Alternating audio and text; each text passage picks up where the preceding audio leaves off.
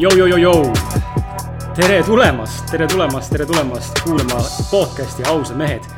minu nimi on Kris Kala. ja mina olen Martin Pukspuu. ja veel kord tere tulemast, mul on ülimalt hea meel, et sa oled meiega. ja mul on veelgi parem ja usun ka Martinil tegelikult on veelgi parem meel, kui sa oled inimene, kes on olnud meiega kõik need eelnevad nelikümmend kuus saadet suur aplaus sulle, et oled vastu pidanud ja, ja, ja just üksik individuaalne aplaus väga-väga mage, aga, aga et, et aitäh sulle, et oled meiega olnud ja meisse usud. sellepärast, et meie missioon Martiniga on tõesti pakkuda siis võimalikult palju äh, väärtust inimeste eludesse. meie endi äh, tõekspidamiste ja maailmavaadete poole pealt ja, ja absoluutselt ka selle pealt, kes, kes meil külas käib ja kes meil külas käivad. sellepärast, et külalised toovad tegelikult väga palju uut perspektiivi meile endale alati ja, ja loodetavasti ka teile, kuulajad võib-olla lühidalt, eh, nagu ikka meil siin eh, igaks juhuks meeldetuletuseks, kui sa juhuslikult esimest korda näed podcast'i või kuulad meid esimest korda täna. siis võib-olla tekib küsimus, et what the fuck, mis kuradi ausad mehed, kes me oleme, kes me oleme, mida me teeme. lühidalt silte niimoodi anda ei tahaks, eks ole, on ju, aga ilma sildistamata. mina olen kirjanik, ehk siis Kris, Kris on kirjanik ja Martin on meil treener olen. treener, niimoodi suures laht-. personaaltreener no,. laias laastus on ju, tegelikult nagu individuaalselt oleme midagi enamat ka kui kirjanik ja treener, aga siiski. no ma ei paneks üldse neid silte, ma ei tea, miks sa üldse okay, okay. tahad neid silte ikka jälle ikka meile tahaks. külge panna. aga mida me teeme siis, meie saade, oma saatega keskendume siis eelkõige sellele, et me püüame anda võimalikult palju ehtsat ja sellist nagu ausat, siirast, autentset informatsiooni edasi kuidas olla parem inimene, kuidas tulla toime igapäevaelus edukamalt, paremalt, efektiivsemalt, tublimalt ja võib-olla kuidas leida iseennast kogu selle virvarri sees, mis tänapäeval on siin nutiajastul üleüldse enda avastamisel. meie saate teemad on väga laia käsitlusega ja keskendume eelkõige ikkagi enesearengule ja sellisele motiveerivale, inspiratsioonile poolele. teemadeks on noh, meil on, meil on kõike, seksist, armastusest, suhetest, edukusest vaimsusest, ufodest, tulnukatest, ma ei tea, kristallidest, tupemassaažist, ma ei tea, mis iganes veel see on. et meil on kõike, et äh, see, me, me muidugi räägime ka sellest, mis toimub meie enda sees, et äh, ka külalised, külalised meil räägivad alati sellest, mis nende sees toimub. sellepärast, et inimese sisemaailm on see, mis tegelikult ju on oluline ja, ja endaga pidev töö tegemine on tegelikult äärmiselt oluline asi elus, aga väga paljud teha seda ei julge või ei taha või ei oska. ja ma loodan, et meie saated siis aitavad teil mõista seda, et tegelikult iseendaga tööd tehes igapäevaselt on võimalik jõuda elus äh, võib-olla ka paremate tulemusteni. aga ilma, mis ilma, mingit ilma ei ole siin, Martin, mis on uudist? uudist või? mis on uudist jah, et me küsime iga nädal seda, aga, aga mis on nagu uudist? seekord, nädal aega hiljem. Äh, no kui eelmine kord ütlesid sina, eks ju, et sa oled väsinud sellest küsimusest juba, et nagu ei oska sellele vastata enam, et. no tegelikult täna enam ei ole, aga noh. et aga uudist, no kõik liigub ja sujub tegelikult nii, nii isiklikus elus, eks ju, suhtes, nii treenerina äh,, oma isiklikes trennides nii-öelda enda treenimine, eks ju. ja samuti Foreksi kauplemise õppimine, et äh, kõik nagu sujub selles mõttes, jah, äge. selles mõttes on hästi, stabiilselt mm, -hmm. vaikselt, rahulikult. ja, ja tore. minul eelmine nädal ma ütlesin jah et kuidagi see küsimus hakkab nagu vaikselt üle viskama, sest et ei ole midagi iga, iga uue, uue nädal midagi nagu väga sellist nagu atraktiivset või sellist nagu väga sihukest plahvatuslikku öelda, aga. täna nagu on, on mul ikkagi, on nagu selles mõttes veidi selle nädalaga muutunud, et ma võtsin selle vastu siin. selle Andy Frisella, millest me oleme rääkinud ka siin saates mm -hmm. korduvalt, sellest motherfucking CEO podcast'i äh, mehe poolt siis korraldanud sellise nagu seitsekümmend viis hashtag challenge'i mis on seitsekümmend viis päeva ehm, ma ei hakka neid tingimusi siin rääkima, sest sellest ma teen eraldi podcast'i inspiratsioonivalangu, kui mul see tähtpäev kukub, mis on kakskümmend mai. siis ma saan rääkida, kuidas läheb, täna on mul üheksas päev. Äh, on olnud juba siukseid tõuse ja languseid ja mõõnasid ja, ja on siuksed tunded tekkinud, et peaks äh, loobuma. aga ei ole loobunud veel, ei ole veel loobunud, väga tubli olnud, hakkama saanud ja, ja ulme, aga, aga sellest ma räägin siis, kui äh, see aeg käes on ühtlasi ma registreerisin ennast nädal aega tagasi, Martin teab seda, kahjuks Martin tulla ei saanud, tähendab, ei saa kahjuks tulla. aga registreerisin ennast joni massaažile Epp Kärsini juurde, ehk siis kui külastajad ei tea, mis on joni, siis äh, sisuliselt ma lähen tuppe masseerima. Noh, niimoodi toorelt eesti keeles öeldes, et ma lähen õpin, kuidas siis naisele ähm, valmistada nii-öelda rõõmu siis enda käte ja võib-olla ka ma ei tea keelega, ma ei tea, mis õpetatakse, ma ei tea, mida õpe õpetab, et ma siis näen, on ju. aga panin kirja, juun, juunis on koolitus et mul saab juunis äh, kuus aastat enda naisega ja siis ma mõtlesin, ma teen talle ühe, ühe kingituse nagu on see, et ma siis õpin selle koolitusena, et siis nagu on nagu midagi vähem näidata ma just mõtlen seda, et huvitav, kuidas see nagu, kuidas see õpetamine välja näeb, et kas mingi nuku peal nuku või peal nagu muidugi, meestel on, naistel on tildod, meestel on siis ilmselt, ma kujutan ette, võib-olla siis nagu lama, seli, selilama äkki tussu äh, koos rindadega võib-olla, ma ei tea. ma eeldan, ma ei tea muidugi ka ju. eks ma siis näen, saan kirjutada sellest pikemalt ja, ja tehagi eraldi saade, aga. Aga viimase uudisena, mida tahan öelda, enne kui ma räägin, kes meil täna külas on, me oleme siin sissejuhatuse pannud viis minutit, tegelikult päris tubli isegi, tavaliselt läheb kakskümmend minti. no nii pikalt ei lähe, aga viimane uudis, mis on, on see, et äh, käisin nädalavahetusel mentori juures ja, ja meil on ta saade. Indrek, Indreku juures jah. Indreku juures jah, et perekonnanime ei ütle, aga Indreku juures, et temaga saate kuulata saadet äh, meie repertuaarist, mis on siis hashtag viisteist pealkirjaga jutuajamise mentoriga ole fucking julge. et tema saade on top nelja koha peal ka meil, et äh, viiekümnendas meesterahvas, kes siis elab Männimetsas enda väikses Männi, Männimajakeses, palkmajas. ja, ja tema siis nagu pani jälle mulle natuke perspektiivi ja tõi sihukest nagu maa peale tagasi mingisuguste unistuste muud, muude asjade poolest ja näitas, kuidas edasi liikuda. aga mis on nagu oluline, on see, et ma leidsin tee aktsiateni jälle mm. -hmm. et või noh, jälle selles mõttes, et esimest korda aktsiateni, aga jälle selles mõttes, et varem olen ka mõelnud selle peale. Pole teinud, on ju, et täna olen piirdunud krüptovaluuta äh, investeeringutega, aga nüüd ka siis aktsiatega, et nüüd siis olen vastu võtnud otsuse, et hakkan investeerima aktsiatesse. Et investeerimine on nagu väga-väga pildis sel aastal, et mis on mm -hmm. nagu hästi huvitav näha, et ma lubasin endale kaks tuhat seitseteist aasta lõpus, et on aeg muuta enda seda finantsplaani läbi investeerimiste ka. siis tänaseks on kaks tuhat üheksateist algus ja ma olen aasta otsa tegelenud juba ilusti stabiilselt investeerimisega. et äh, kihvt, et võib-olla kunagi leiame saatesse kellegi ka, kes investeerimisest äkki oskab rohkem täpselt rääkida, ma ise ei ole kindlasti pädevam soovitaja, sest et äh, ma teen seda, mida ma oskan ja I do me on ju, ja kui ma kellelegi soovitan, et äh, minge investeerige sinna, siis see peaks juhuslikult äh, minema perse, siis noh, ma ei taha, ma ei taha endale seda, seda stressi. Aga lähme saate juurde, sest et tänane saade on äh, tänast saadet ma olen väga-väga pikalt oodanud ja ma tegelikult natuke kartsin, et kui ma külalist, tänast külalist kutsun saatesse, siis ta ütleb mulle ei. ma isegi ei tea, miks, võib-olla sellepärast, et äh, üli tight schedule võib-olla. Ja võib-olla ei paku huvi. aga ennatlikud ja oletlikus, olet-, oletuslikud järeldused on alati äh, ekslikud, mida vähemalt elu on näidanud. Ja seetõttu tegelikult küsisin, siis tegelikult vastus oli kohe ja teeme ära täna meie külas, nagu pealkiri ütleb, Paljas porgand. kui siis keegi ei tea, kes ta on, siis ma olen väikse sissejuhatuse kokku pannud nagu ikka. sellise, ütleme, Martin ütleb sildistamise, aga, aga ma olen pannud sellise põgusa ülevaate, kes ta on, millega ta täna tegeleb avaliku informatsiooni poolest. see, kes ta tegelikult on, seda räägib ta meile ise täna saates. aga tänase podcast'i külaline on siis tervisliku elu, elustiili blogija Paljas porgand, AKA Merilin Taimre. Merilin on noor, ettevõtlik, kaunis, aktiivne ja hardworking naine kogemusi on saanud ta väga mitmetest valdkondadest, alustades abikäest farmis ja lõpetades degusteerija ja pro- projekt, projektijuhina. täna juhib ta edukalt enda firmat ja brändi Paljas porgand. Merilin teeb aktiivset trenni, toitub tervislikult, läheb vara magama ja ärkab samuti varakult, mis annab talle tema endi sõnul eelise päevas rohkem ärategemiseks. ta on kirjutanud tänaseks neli retseptiraamatut, tema sotsiaalmeedialehtedelt võib leida hulgaliselt erinevaid retsepte, motiveerivaid mõtteid, auhinnamänge ja palju muud põnevat, mida ühe korraliku ja aktiivse sotsiaalmeedia mõjutaja ehk vabandust, mõjutaja elu, mitte ehk pakkuda suudab. tema tegemisi jälgib tõenäoliselt kuskil kuuskümmend tuhat inimest läbi erinevate platvormide ja ilmselt blogi võib-olla isegi loeb rohkemgi, kõvasti. kõvasti ja, ja lisaks kõigele muule, mis siin kirjas juba on mul, meeldib Merilinile siis äh, väga palju reisida, ennast harida ja arendada, tema reisisiklustest on ketatud telesaade ka Kanal kahes. eelmisel aastal andis ta välja enda esimese omatoote Paljas porgand Be Fit Toor proteiinibatoon. ta on omandanud ka personaaltreeneri paberid ja õppinud Tartus juurat äärmiselt mitmekülgne noor naine, kes on oma persooni tegemistega eeskujuks, inspiratsiooniks ja motivatsiooniks väga paljude inimeste üle kogu maailma, sest audients ei ole ainult eestlased. nagu ta ise ütleb, paljas porgand aitab sind kõiges, mis puudutab vähegi tervist, toitumist ja fitnessi. tere tulemast saatesse, Merilin. tere, tere. kas äh, sellised äh, sissejuhatused on äh, pigem sinu jaoks ähm, häirivad või pigem on need vastupidi sellised, et okei okay,, et siis selline info on võimalik minu kohta üles kaevata internetist? Kindlasti pigem oli see, et oh, tore on iseennast ka nüüd tundma õppida, et mul on ikka iga päev ärkan mõttega, kes ma kurat ikka olen. et oli päris tore isegi kuulda, aga väikesed vead olid seal tegelikult mm -hmm. isegi. räägi. et äh, see on vist äh, mingisugused esmamuljed, mis on jäänud, et äh, personaaltreeneri pabereid ma omandanud ei ole. okei. ma läbisin ühe kiirkursuse okei, aga ma ei läinud eksamitele, sest minu eesmärk oli lihtsalt äh, ennast harida, mitte mingisugust nii-öelda labelit külge mm -hmm. saada selle. Kiivika koolituse või?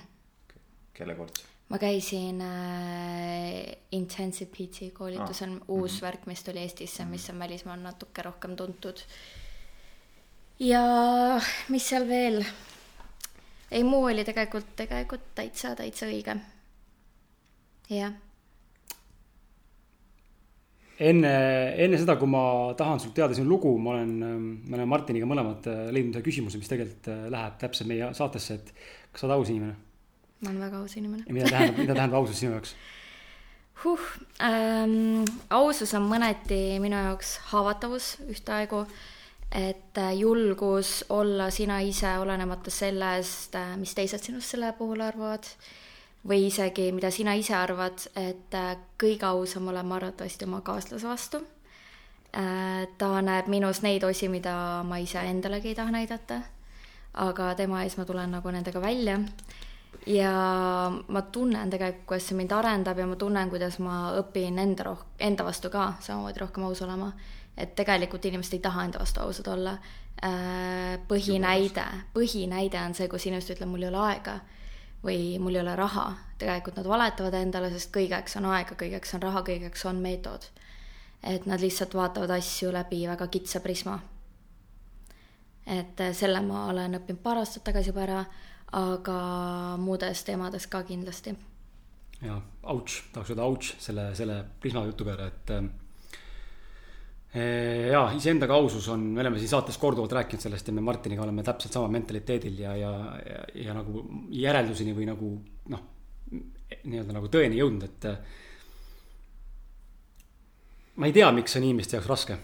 minu jaoks on aus endaga ker-, olla nagu iga päev üha kergem. nagu mm -hmm. mida mhm. rohkem sa hakkad seda praktiseerima nagu iga asjaga, siis see nagu läheb lihtsamaks, sest sa hakkad sellest enda võib-olla egokihist ja võib-olla mingist muust sitast läbi murdma. aga esimesed sammud on kindlasti nagu äärmiselt ebameeldivad tead, siin on väga lihtne vastus, miks on endaga raske või mitte endaga, vaid üldse aus, miks on raske olla, on seepärast, et tegelikult me oleme sündinud täiesti ausatena. väike laps tuleb ja ütleb sulle otse. Äh, ta ei oska alguses valetada, aga me õpime seda, me õpime seda ühiskonnalt, me õpime seda vanematelt, et äh, kust näiteks isegi tekivad hirmud või niisugused alaväärsuskompleksid on näiteks see, kui äh, vanemad, sa näed, et vanemad tülitsevad ja miski nagu mädaneb, sa lähed küsima, et mis viga või mis juhtus või miks te issiga tülitsete ja vanemad ütlevad, et ah, ole tasa, kõik on korras, see -hmm. pole sinu asi. ja lapse alateadvus ütleb, et äh, tema nagu sisetunne valetab talle. ja inimesed aina rohkem eemalduvad oma sisetundest ja nad hakkavad uskuma nagu neid valesid, mida nende alateadvus neile ütleb. et mitte saada haiget. et see on pigem nagu õpitud äh, käitumisviis. väga hea näide polegi enne nagu ise, me oleme küll rääkinud ka sellest, kuidas lapsepõlves tegelikult ähm, õpime kõike seda jama, mis siin maailmas niimoodi ümber käib meil, aga mm, -hmm. aga me polegi jah, enne sellist nagu näidet toonud, see on päris näide tegelikult. kuidas lapsena ei oska nagu valetada. jah. nii, aga äh, lähme siis äkki selle sinu loo juurde. et äh, räägi Aha. meile lühidalt äh, sihuke sinu, sinu teekond, et äh, mis on olnud siuksed äh, kust hakkas pihta võib-olla sihuke teadlikum enesearendamine, mis on olnud siuksed suuremad nagu milstone'id ja kuhu sa nüüdseks siis oled jõudnud? ma ei teagi, kuidas lühidalt seda kokku võtta, ütleme nii, et mul, mul võiks joosta paralleelselt mitu lugu.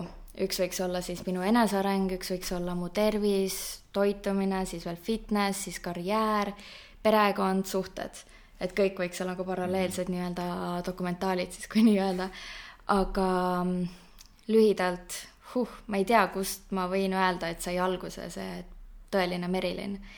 et äh, ma olen elanud mõneti rasket lapsepõlve, mõneti jällegi ilusat, küll aga mind on alati tagant nii-öelda kannustatud olema võimalikult perfektne, võimalikult mm -hmm. asjalik äh, ja kogema armastust läbi oma võimekuse seega minust on kasvanud üles inimene, kes äh, tunneb, et äh, olla väärt armastust, ta peab võimalikult palju rügama. ja need, kes küsivad, kuidas ma nii palju suudan, siis siin on teie vastus, ma suudan et äh, ma olengi kolmeteistaastaselt, ma läksin esimest korda tööle ja alustasin kõik, mis ma tahtsin nagu elus nii-öelda endale osta, lisaks sellele, et mis oli elementaarne, riided ja äh, toit ja katus pea kohal, on ju, et siis ma pidin nagu sellest ise maksma. nii et äh, kõiksugused väljas käimised, kinod, kõik asjad, telefonid, arvutid, kõik oli nagu enda ostetud. et siis kolmeteistaastaselt ma läksin tööle, seitsmeteistaastaselt ma kolisin esimest korda välja ja alustasin oma peadelu ja hakkasin teenima raha ülikooli jaoks. siis, kui ma lõpetasin kooli üheksateist, siis äh, ma läksin Tartu Ülikooli ja kolisingi Tartusse, käisin Tallinnas uuesti nagu tööl ja mingi hetk ma avastasin, et äh, kui mu tollane kaaslane kutsus mind Austraaliasse, siis ma mõtlesin, et äh, see ju läheb täiesti vastuollu sellele, mis on, mis ma olen nagu ette näinud mm, -hmm. et kelleks ma nüüd saama pean ja ma pean saama juristiks, ma pean olema parim, kõige targem, kõige asjalikum, kõige rohkem raha teenima, kõige kauem töötama ja nii edasi. aga ma mõtlesin, et kui mitte praegu, siis millal veel, nii et ma võtsin akadeemilise puhkuse ja läksin Austraaliasse, kus sai tegelikult alguse mõneti mina. et enne seda mul oli Äh, kõige nii-öelda ähm,, kuidas siis öelda, seal ohtlikus tsoonis on need noored, kes äh, ongi, elavad niisugust perfektsionismi äärel elu. et äh, mina langesin toitumishäirete küüsi nooruses, sest ma tahtsin ka seal osas olla nagu kõige parem, kõige paremas vormis, kõige ilusam et äh, see tegi mulle paybacki ja Austraalia oli see koht, kus ma hakkasin vaikselt tervenema et seal ma avastasin enda uue kire, et tegelikult see, mis ma arvasin, et on minu vaenlane, milleks oli siis toit, oli hoopis minu kirg. ja ma hakkasin kokkama, et ennast tervendada mm, -hmm. nii et ma ei hakanud kokkama lihtsalt, et valmistada häid retsepte, vaid äh, toite, mis tervendaksid meid seesmiselt. nii et äh, sealt sai minu nii-öelda see kirg alguse, et äh, kuidas toiduga teha ennast aina paremaks inimeseks, et kuidas toit võiks olla meie ravim, mitte meie mürk. ja seal tegin ma ka oma esimese retseptiraamatu oma blogi, kõik oma retseptid ja sealt läks Paljasporgand tööle, et äh, reisiblogi, mis oli küll enim loetud ja valiti ka Eesti parimaks reisiblogiks, see läks kinni. reis sai läbi, suhe sai läbi aga siis ma tulin ikkagi Eestisse tagasi ja mu nii-öelda vaim oli selles mõttes avardunud, et ma nägin, kui kitsarinnalised eestlased on, kui kitsas see maailmapilt siin on ja ma avasin ennast kõigele, nagu, nagu te mu blogist võite näha, siis mind nagu, nii nagu sina ka ütlesid, Kris, et äh, sa arvasid, et ma ütlen kohe ei, et ma ei tule, ma võtan kõik vastu, ma võtan kõik väljakutsed vastu, ma võtan kõik võimalused vastu ja ma ei pigista silma kinni ei ütle, et ei, minu viis on õige. Vaid seetõttu ongi ka mu blogi nii mitmekülgne ja mõneti isegi võib-olla vastuolus, sest mulle meeldib avaldada nii ühelt poolt äh, variante nagu seda tõestust kui ka teiselt poolt, et ma ei ütle kunagi, et üks viis on õige. Ja igal juhul sealt sai ka kogu mu eneseareng alguse ja retseptiraamatud, neli tükki, mis nüüd on tehtud, arvatavasti rohkem neid ei tule ka praegu niipea, ja siis äh, blogi hakkas kasvama, Instagram hakkas kasvama ja inimestel hakkas aina rohkem huvi pakkuma see, mis mul öelda on, sest äh, võib-olla, ma ei tea, kõik need eluraskused, mis mu teele on saadetud, ongi saadetud selle nimel, et ma saaksin teisi nii-öelda valgustada selles osas ja aidata neil äh, leida nagu muredele vastust ja näha, et nad ei ole üksi oma probleemidega.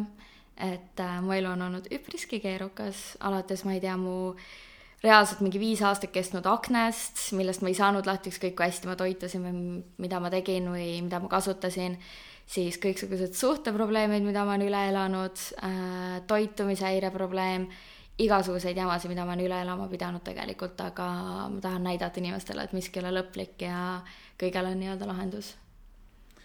see ongi nii huvitav, kuidas tihti nagu see kõige suurem valu meil elus on tegelikult see kõige suurem õpetaja, eks ju, nagu sinu puhul see toitumishäire, mis lõpuks nagu sai nagu suureks kingituseks, on ju, ja leidsid selle kire hoopis äh, toitumise vastu seepärast ma ütlen ka, et äh, ma ei kahetse ühtegi asja, mida ma elus olen teinud, mitte ühtegi valet sammu ka, sest ma ei oleks siin, kus ma olen praegu, et ma ei kahetse seda toitumishäiretki nii-öelda, et äh, muidugi see on kurb etapp, mille ma olen elus pidanud läbi elama, aga see on mind nii palju õpetanud ja samas ikkagi nagu viinud mind sellele rajale, kus ma olen täna mm, -hmm. et muidu ma, ma tean, ma ei oleks siin mm. -hmm.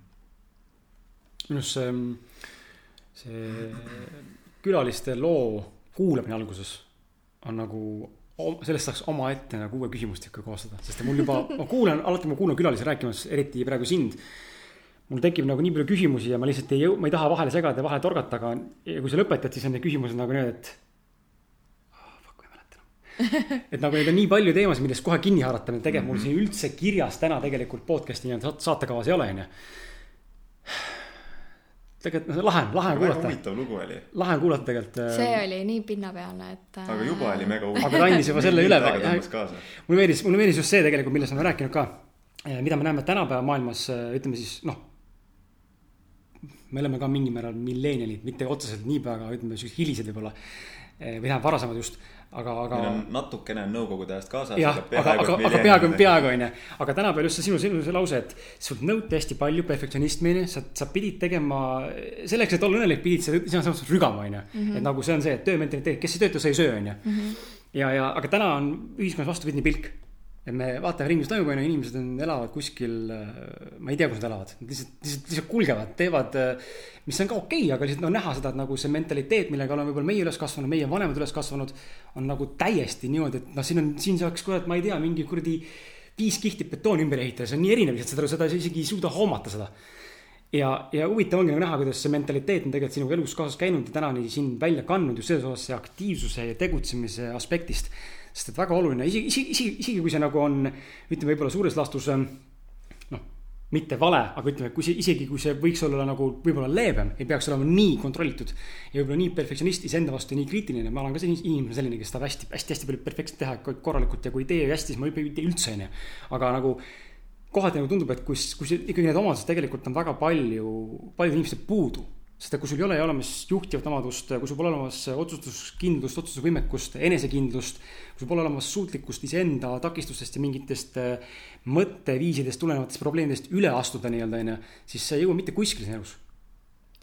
jah, ma olen avastanud tegelikult äh, vastuse, miks see nii on ja miks see ei ole isegi nii halb et äh, ühiskonnas peabki olema, peavad olema need juhid, peavad olema need nii-öelda siis ma ei ütleks, ma ei tahaks öelda alluvad, aga need mm -hmm. nii-öelda kulgejatüübid.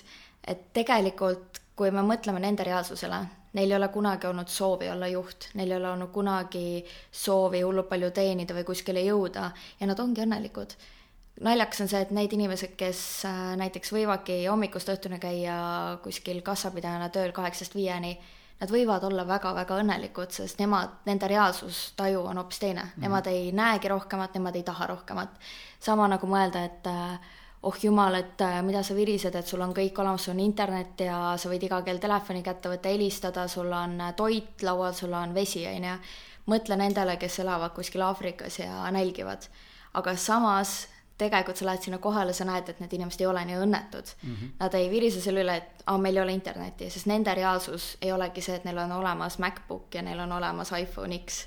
et äh, nende reaalsus ongi teine ja nad on rahul sellega, mis neil on.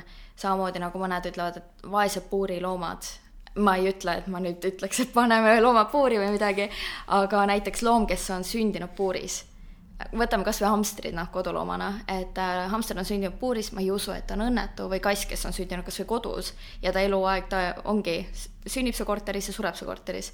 ta ei ole õnnetu, sest tema ei tea, mis seal väljas toimub, ta ei oska, ta ei oska muud oodata või tahta. Ja samamoodi on tegelikult nende inimestega, kellel on see juhi liiderlus nagu nii-öelda sees ja kellel ei ole, et äh, nad lihtsalt ei oskagi tahta mingit äri ehitada või oma asja ajada. ja neil, kellel on, siis nendel tõesti on vaja seda otsustusvõime, võimet, neil on vaja seda nii-öelda pealehakku, sest nemad jäävad muidu õnnetuks mm. -hmm. jah, kõlab, kõlab nagu loogiliselt ja nagu. just see, et meil on kõigil oma rada, on ju, et ei saa nagu, võtad mingi miljonäri, on ju ja näiteks see miljonär on õnnetu ja see võib tunduda nagu, et mis asja, et kas inimene on nagu peast soodav, et tal on nagu miljonid, tal on võib-olla isegi super pere, armastav naine, lapsed, kõik on olemas, paigas, on ju. aga võib-olla tema sees on nii palju rohkem potentsiaali tegelikult mm, -hmm. nii palju suuremat asja siin elus teha. ja sellepärast ta on õnnetu, et ta ei täida oma potentsiaali, mitte see, et ta ei suudaks hinnata, mis tal tegelikult mm -hmm. olemas on. absoluutselt. jah, see on huvi, huvitav nagu vaatevinkel. seepärast äh, öeldaksegi, et lollid on need kõige õnnelikumad.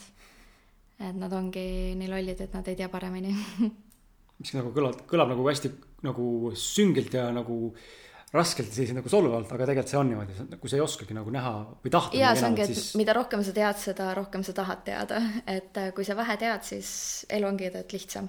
ma ise olen ka näinud tegelikult seda, just me oleme siin rääkinud nagu ütleme selliste vaimsematel teemadel võib-olla, et kui kunagi kaheksa-seitse aastat tagasi uurima hakkasin neid asju, siis täna vaatan seda infot nagu, siis mulle tundub kohati, et mingi aeg nagu tundus, et lihtsam oleks olnud elada, kui ma ei teaks neid asju. jaa, see on nagu, vaimsuse poole pealt on see kõige nagu elavam näide, see on kõige elavam näide, et äh, mida rohkem sa sellesse süübid, seda raskemaks see läheb. aga samal ajal see on oluline. Mm, -hmm. see on nagu vajalik, see on nagu justkui nagu et, järgmine etapp, mis tuleb nagunii võtta ette nagu tuleb mingi hetk inimestele, vahet pole, mis vanuses sa oled. okei. Okay., ei põnev. Eh,, paljas porgand. Eh,, paljas porgand. Miks paljas porgand ja räägi, kust tekkis, kust, kust kasvas välja või millest sündis bränd paljas porgand ja kuhu, kuhu nagu see, mis see nagu main focus on? seda ilmselgelt küsitakse mult igal pool iga kord. nii et äh, ma olen mõelnud väga mitu korda, ma peaks diktofoni selle lindistama ja siis nagu otse laskma, et ma säästan oma, säästan oma sülge. jah, nii et äh, palun lubage, et me lõikame selle osa välja mm -hmm. ja saadame mulle, on ju, okei okay.. igal juhul äh,. kui ma siis äh, seal Austraalias avasin oma toidublogi, alguses ma olin Preili paleo sest minu eesmärk oli võimalikult palju eliitiliselt, võimalikult looduslähedaselt nii-öelda retsepte valmistada küll aga ma ei uskunud leibeldamisesse ja näiteks mina tarbisin kaunvilju, ma armastasin maapähkleid, kikerherneid ja nii edasi. küll aga ei tarbinud ma ühtegi töödeldud toiduaineid, ei laktoosi, ei gluteeni. aga sellest piisas, et kui ma olin Delfi eh,, ma olin jah Delfis ja Boudoiris olin retseptinurga autor nii-öelda erinevatel aegadel, siis ma mäletan, sinna tuli korralikult neid anonüümseid kommentaatoreid, et ma olen petis, et ma söön tegelikult maapähklivõid. ja ma tundsin, et ma olen pannud endale ise selle label'i tegelikult külge ja seda ei peaks üleüldse olema. nii et ma otsustasin oma blogi nime muuta äh,. siis ma hakkasin mõtlema, et kuidas oleks võimalikult ligilähedane see uus nimi, et äh, initsiaalid olid PP, Preili pole, ja kuidas hoida võimalikult lähedal, ligilähedast niisugust brändi nime ja tegin väikse brainstorming'u, ma mäletan, seal oli päris kolm niisugust ägedat nime, aga Paljas porgand, kui see mul tuli, siis see nagu ka jäi, ta on nii mitmekihiline. esiteks ähm, paljas porgand ehk siis toit võiks olla võimalikult äh, sama looduslähedane kui porgand, mille sa mullast tõmbad. sa võid seda otse süüa, et äh, sellised on minu toidu koostisosad. siis ähm, mina olen oma blogis väga aus, avatud äh,, väga nii-öelda filtrita, et justkui paljas porgand, kes on siis ka täitsa alasti, on ju, et nii olen ma ka oma blogis lugejate ees. ja siis muidugi see väga äge nii-öelda äh, sõnade mäng, mis seal taga on, et äh, ta jääb silma, mul tuli muidugi kohe ka logopilt silme ette ja nii siis saigi paljas porgand. pean nagu au andma sulle, et äh paljas porgand on geniaalne, geniaalne lihtsalt. Nagu selles mõttes geniaalne, mitte sind ülistades, aga see, kui ma olen mõelnud ka igast, et mis brände teha, mis brändi nime valida mingile asjale ehitada, endale isegi mõtlesin tükk aega. Mm. -hmm. ai, saad aru, ei tule, no ei tule lihtsalt mitte midagi pähe, et siis ma kuulan, vaatan ringi, vaatan mingi paljas porgand, täitsa perses, geniaalne, et kuidas nagu, kuidas nagu mõni tuleb lihtsalt ja siis sa ketrad ise, brainstorm'id mingisugune kuradi mitu aastat ja sul ei tule mitte midagi peale selle, et Kris Kala mis ei ole ka halb, vaata, võib-olla ongi nagu erinev inimestel, aga ongi, et ei tule nagu seda pähe nagu, et mida fuck'i lihtsalt. mul on tegelikult teine sarnane nimi juba peas, et kui ma peaksin tegema teise blogi, mis oleks suht sihuke, see peaks olema mingi hateful blog või mingisugune sihuke hästi äh, sarkastlik sihuke blog aga mul on üks teine nimi ka varuks, mis on selle sama mõttega nagu paljas porgand, aga ühe teise nii-öelda köögipuuvilja nimega aga väga aus ka. igaks juhuks ei ütle seda, äkki veel korra ütlen ära. ära ütle. see oleks ka mingi korralikult raha väärt see nimi aga ütleme, sa alustasid, on ju, nullist blogiga Austraalias olles. Äh, sealt kasvas lõpuks välja uus blogi. aga mis nagu, mis sa arvad, mis on see, mis viis sind selle plahvatusliku kasvuni? ja, ja, ja, ja kuidas, äh, kõigepealt küsime selle küsimuse ma arvan, et see kõige suurem hüpe vist käis siis ära, kui ma rääkisingi toitumishäiretest, et äh, ma millegipärast olen Eestis olnud see naine, kes võtab alati esimesena sõna teemadel, milles keegi ei julge nagu sõna võtta. ja pärast seda see asi läheb nagu siukseks, ütleme siis nii, et suuremaks mm -hmm. ja teised naised nagu tulevad kaasa sellega mm. -hmm et äh, toona veel ei olnud ka üldse blogijaid ilmselgelt, et ma olin üks nagu siukseid esimesi Eesti blogijaid ka ja üldse noh, kardeti ikkagi, mida meedia arvab, mida inimesed arvavad. ja ma siis kirjutasin, sest ma teadsin nii palju ümbruskonnas toitumisjärjetega inimesi, kes lihtsalt äh, salgavadki selle maha ja nad ei julge sel teemal rääkida ja kannatavad üksinda. ja ma tundsin, et äh, minu lugu võib aidata paljusid ja muidugi sealt nagu seda oli nii raske teha, ma mäletan, kuidas ma hoidsin seda videot, hoidsin ja hoidsin ja hoidsin mingi, kas ma ikka tulen välja, et siis on mul nagu silt küljes ja kõik arvavadki, et nüüd see ma olengi, et siis ma ei ole enam mina. ja tulin välja ja see video võeti üles ikka igal pool. ma ei taha teada, palju see video on nüüd vaatamisi ma ei ole kunagi, ma ei ole kordagi seda isegi vaadanud tagantjärgi niimoodi. kuhu sa panid selle video? see video läks üles Youtube'i mm -hmm. ja siis ähm, otse mu blogisse nagu mm. -hmm. Ja jah, pärast seda ma arvan, et käiski see plahvatus nii-öelda ära, aga ma ei ole otseselt nagu midagi teinud, ilmselgelt ma olen rääkinud beebipillidest, et äh, kuidas see võib naise tervise ära rikkuda, see oli lihtsalt metsik. Äh, ma arvan, et kui pannagi sisse beebipillid Google'isse, siis esimene asi on paljas porgand mm.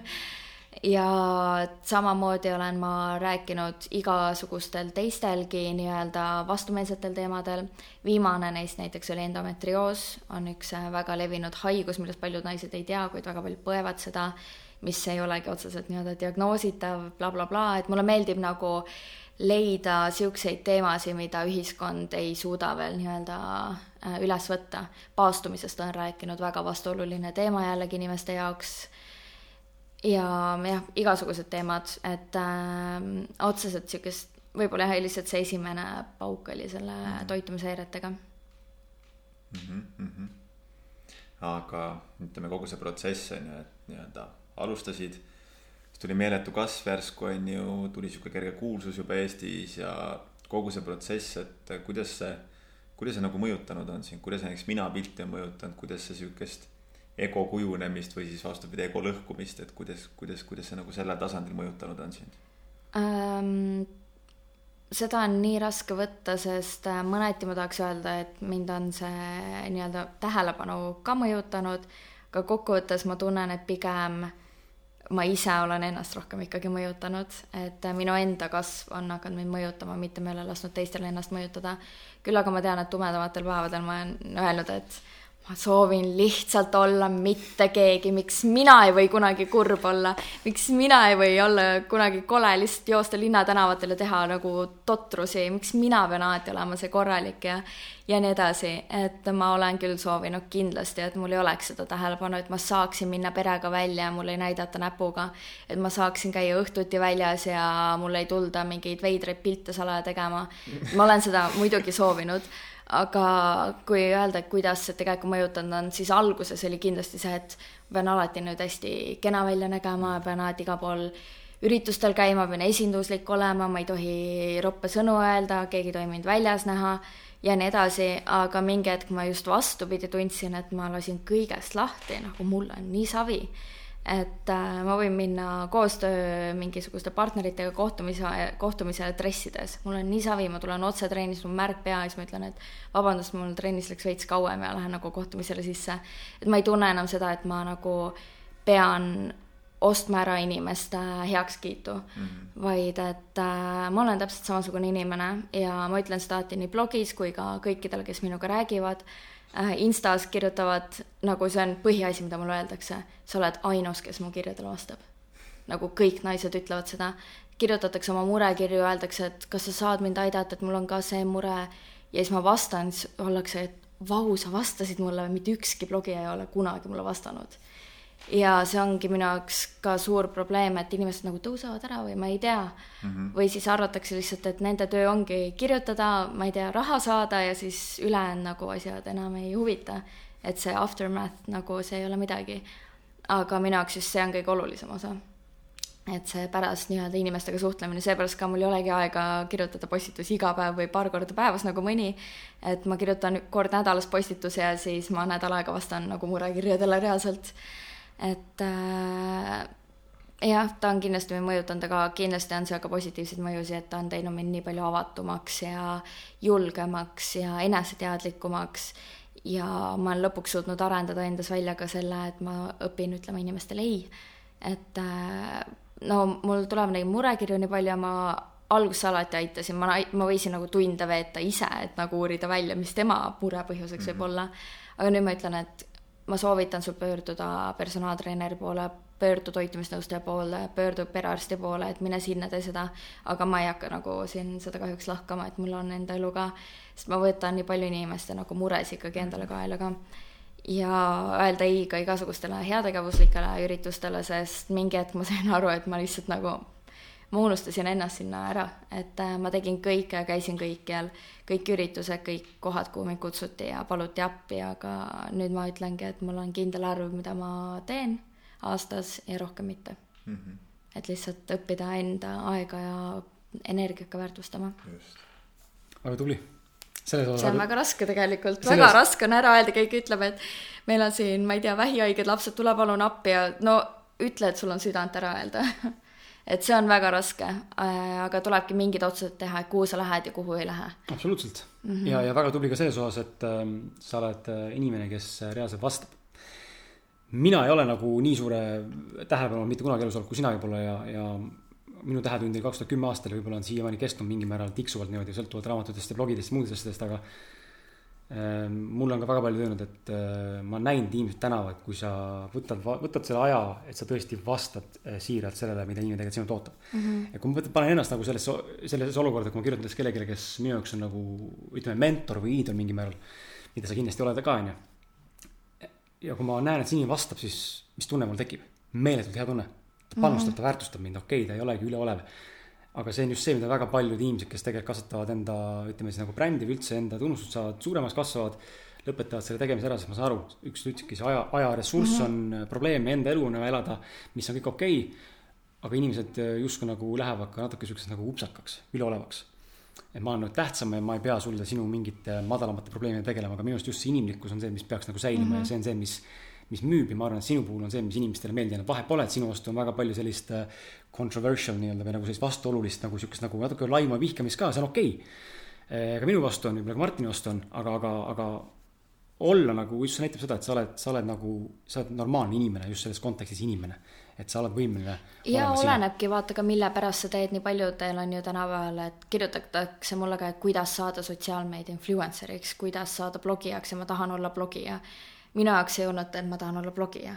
miks see üldse alguse sai, et ma tahan jõuda inimesteni, ma tahan inimestega suhelda, ma tahan inimesi aidata ja ma lihtsalt püüan meeles pidada iga päev, kui ma teen oma asja, et miks ma seda teen.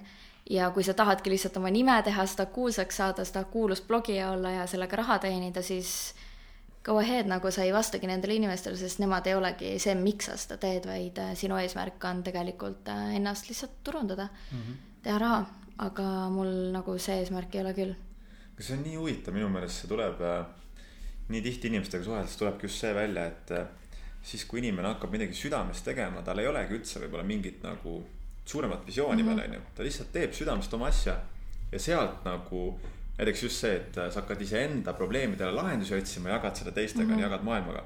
ja sealt minu meelest kasvavad just need suured äriideed ja suured asjad nagu mm -hmm. tihti välja mitte see, et inimene mõtleb, et tahaks pappi teenida, on ju, teeks mingi äri ja, ja siis saab edukaks, on ju, et see on nagu huvitav on ikkagist näha, kuidas need nii-öelda orgaanilised, kui asjad lähevad, siis nagu see tulemus on palju parem tihti, et. hea näide nagu siia vahele on tegelikult öeldud meie enda podcast'i peal ka, ma just enne Martiniga rääkisin, et ähm, Eesti mingi podcast'i grupis siis Facebooki, kus räägitakse tihti, et kuidas keegi enda podcast'i turundab, on ju. kõik teevad nagu, väga paljud teevad raha pärast seda mm. -hmm. ma saan aru, raha on oluline, see on vaja, aga meie alustasime Martiniga täpselt samamoodi, jagada enda seda sitta, mis su enda sees kogunenud on. välja elada ja näidata inimestele, et me oleme millestki üle saanud, millestki paremini aru saanud, mitte teistest aga nagu ajapikku hakkanud paremini aru saama. et võib-olla kellelgi on kasu sellest ja see võib-olla kaasa lõpuks välja millegini, millega nii-öelda võib-olla ka finantsiliselt ennast toetada. aga see ei ole nagu eraldi eesmärk mm. -hmm. ma arvan, kui sa hakkad nagu tegema asja, vähemalt minu elu näitab mulle seda, et kui ma hakkan tegema midagi konkreetselt ainult raha pärast mm. -hmm. mul puudub null huvi selle asja vastu siis ma varem-hiljem põlen läbi täiega mm. -hmm. Lähen täiesti, see läheb täiesti perse, ma valetan endale, valetan kõiki teistele, ma teen asju täiesti mitte südamega. aga südamega tehes on see, mis tegelikult loeb. ja elu ise toob tagasi, et äh, mõni jälgija on nagu reaalselt mulle kirjutanud, et kuule, et äh, sa kirjutasid, et sa vajad seda, et mul on sulle lahendus, et miks ma üldse kirjutan, on sellepärast, et kunagi, ma ei tea, kas sa mäletad, paar aastat tagasi sa kirjutasid mulle selle vastuse ja see viiski mind mingi lahenduseni. ja nad tulevadki tagasi ja nad mm -hmm. ütlevad, et nüüd tahan mina sind aidata ja see toob tagasi ja isegi näiteks brändid, et äh, nad ei tule alati selle mõttega, et oh, teeme nüüd koostööd ja ma maksan sulle ja sa annad mulle seda, vaid nad ütlevadki, et me näeme, mida sa teed siin ühiskonnas ja selle tõttu me lihtsalt tahame sulle nagu tänuavalduse esitada või nagu aidata sind ka mõneti mingi asjaga. võimas, väga võimas mm. -hmm. sotsiaalmeediast on nii palju, et äh, mul kaks tuhat kaheksateist aasta suve keskpaigal siis äh, kuulajad, kes need on meie tihedamad kuulajad, teavad, äh, mul toimus väidetavalt eksistentsiaalne depressioon. ise seda ei tundnud, aga termin on sihuke olemas väidetavalt. ehk siis äh, vaatasin ühte videot Youtube'ist mehe Jay Shetty poolt, kes siis rääkis sotsiaalmeediast ja sellest, kuidas siis see meid mõjutab, on ju, ja kuigi ma kõike teadsin, siis ma tegelikult olin hakanud seda ise oma alateadlikult nägema, kuidas ma käitusin seal ja kuidas see kõik oli, kuidas see mind mõjutas, mis see tegi mulle. ja, ja miks ma tänaseks olen seal, kus ma olen, et ma olen põhimõtteliselt eemaldunud sellest mingil määral. Aga, aga kuidas nagu kuidas teha nagu sotsiaalmeediat niimoodi, et see sind ennast hävitama ei hakkaks, sest ilmselgelt kui sa oled noh, ma mõtlen, mis, mis, mis see termin on, et kui sa oled nagu tavainimene, kes lihtsalt seda sotsiaalmeedia, Instagrami, Facebooki, Youtube'i, Twitteri, kõiki asju nagu sisse endale ammutab info mõttes.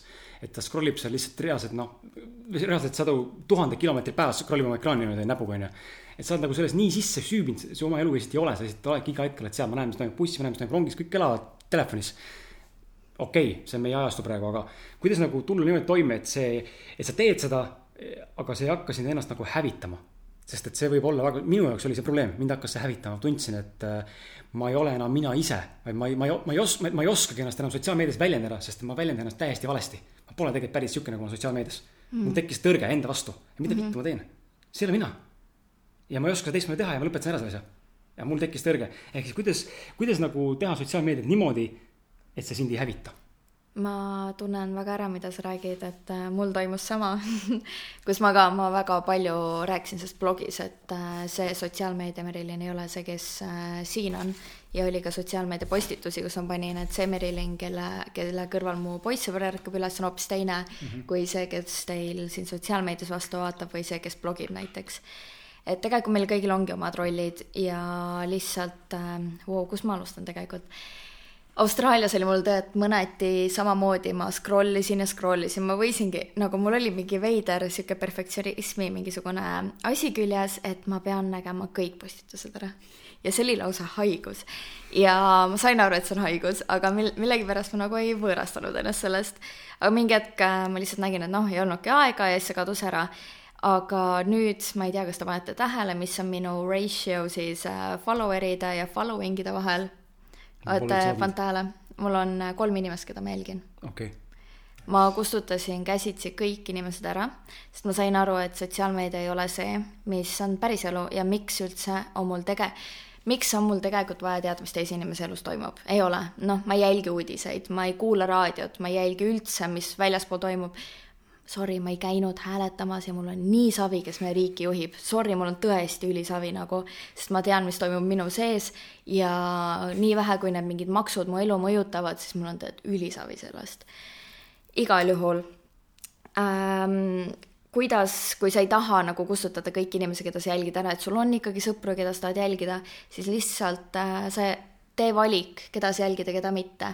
iga kord, kui sa näed kellegi pilti ja sul tekib negatiivne enesetunne või mõte enda kohta, siis pane unfollow. ükskõik, kas see on su parim sõbranna, see on su õde või isa või kes iganes, pane unfollow, sest äh, see ongi see, et tema jäljendab Instagramis ennast kellegina, kes ta ei ole.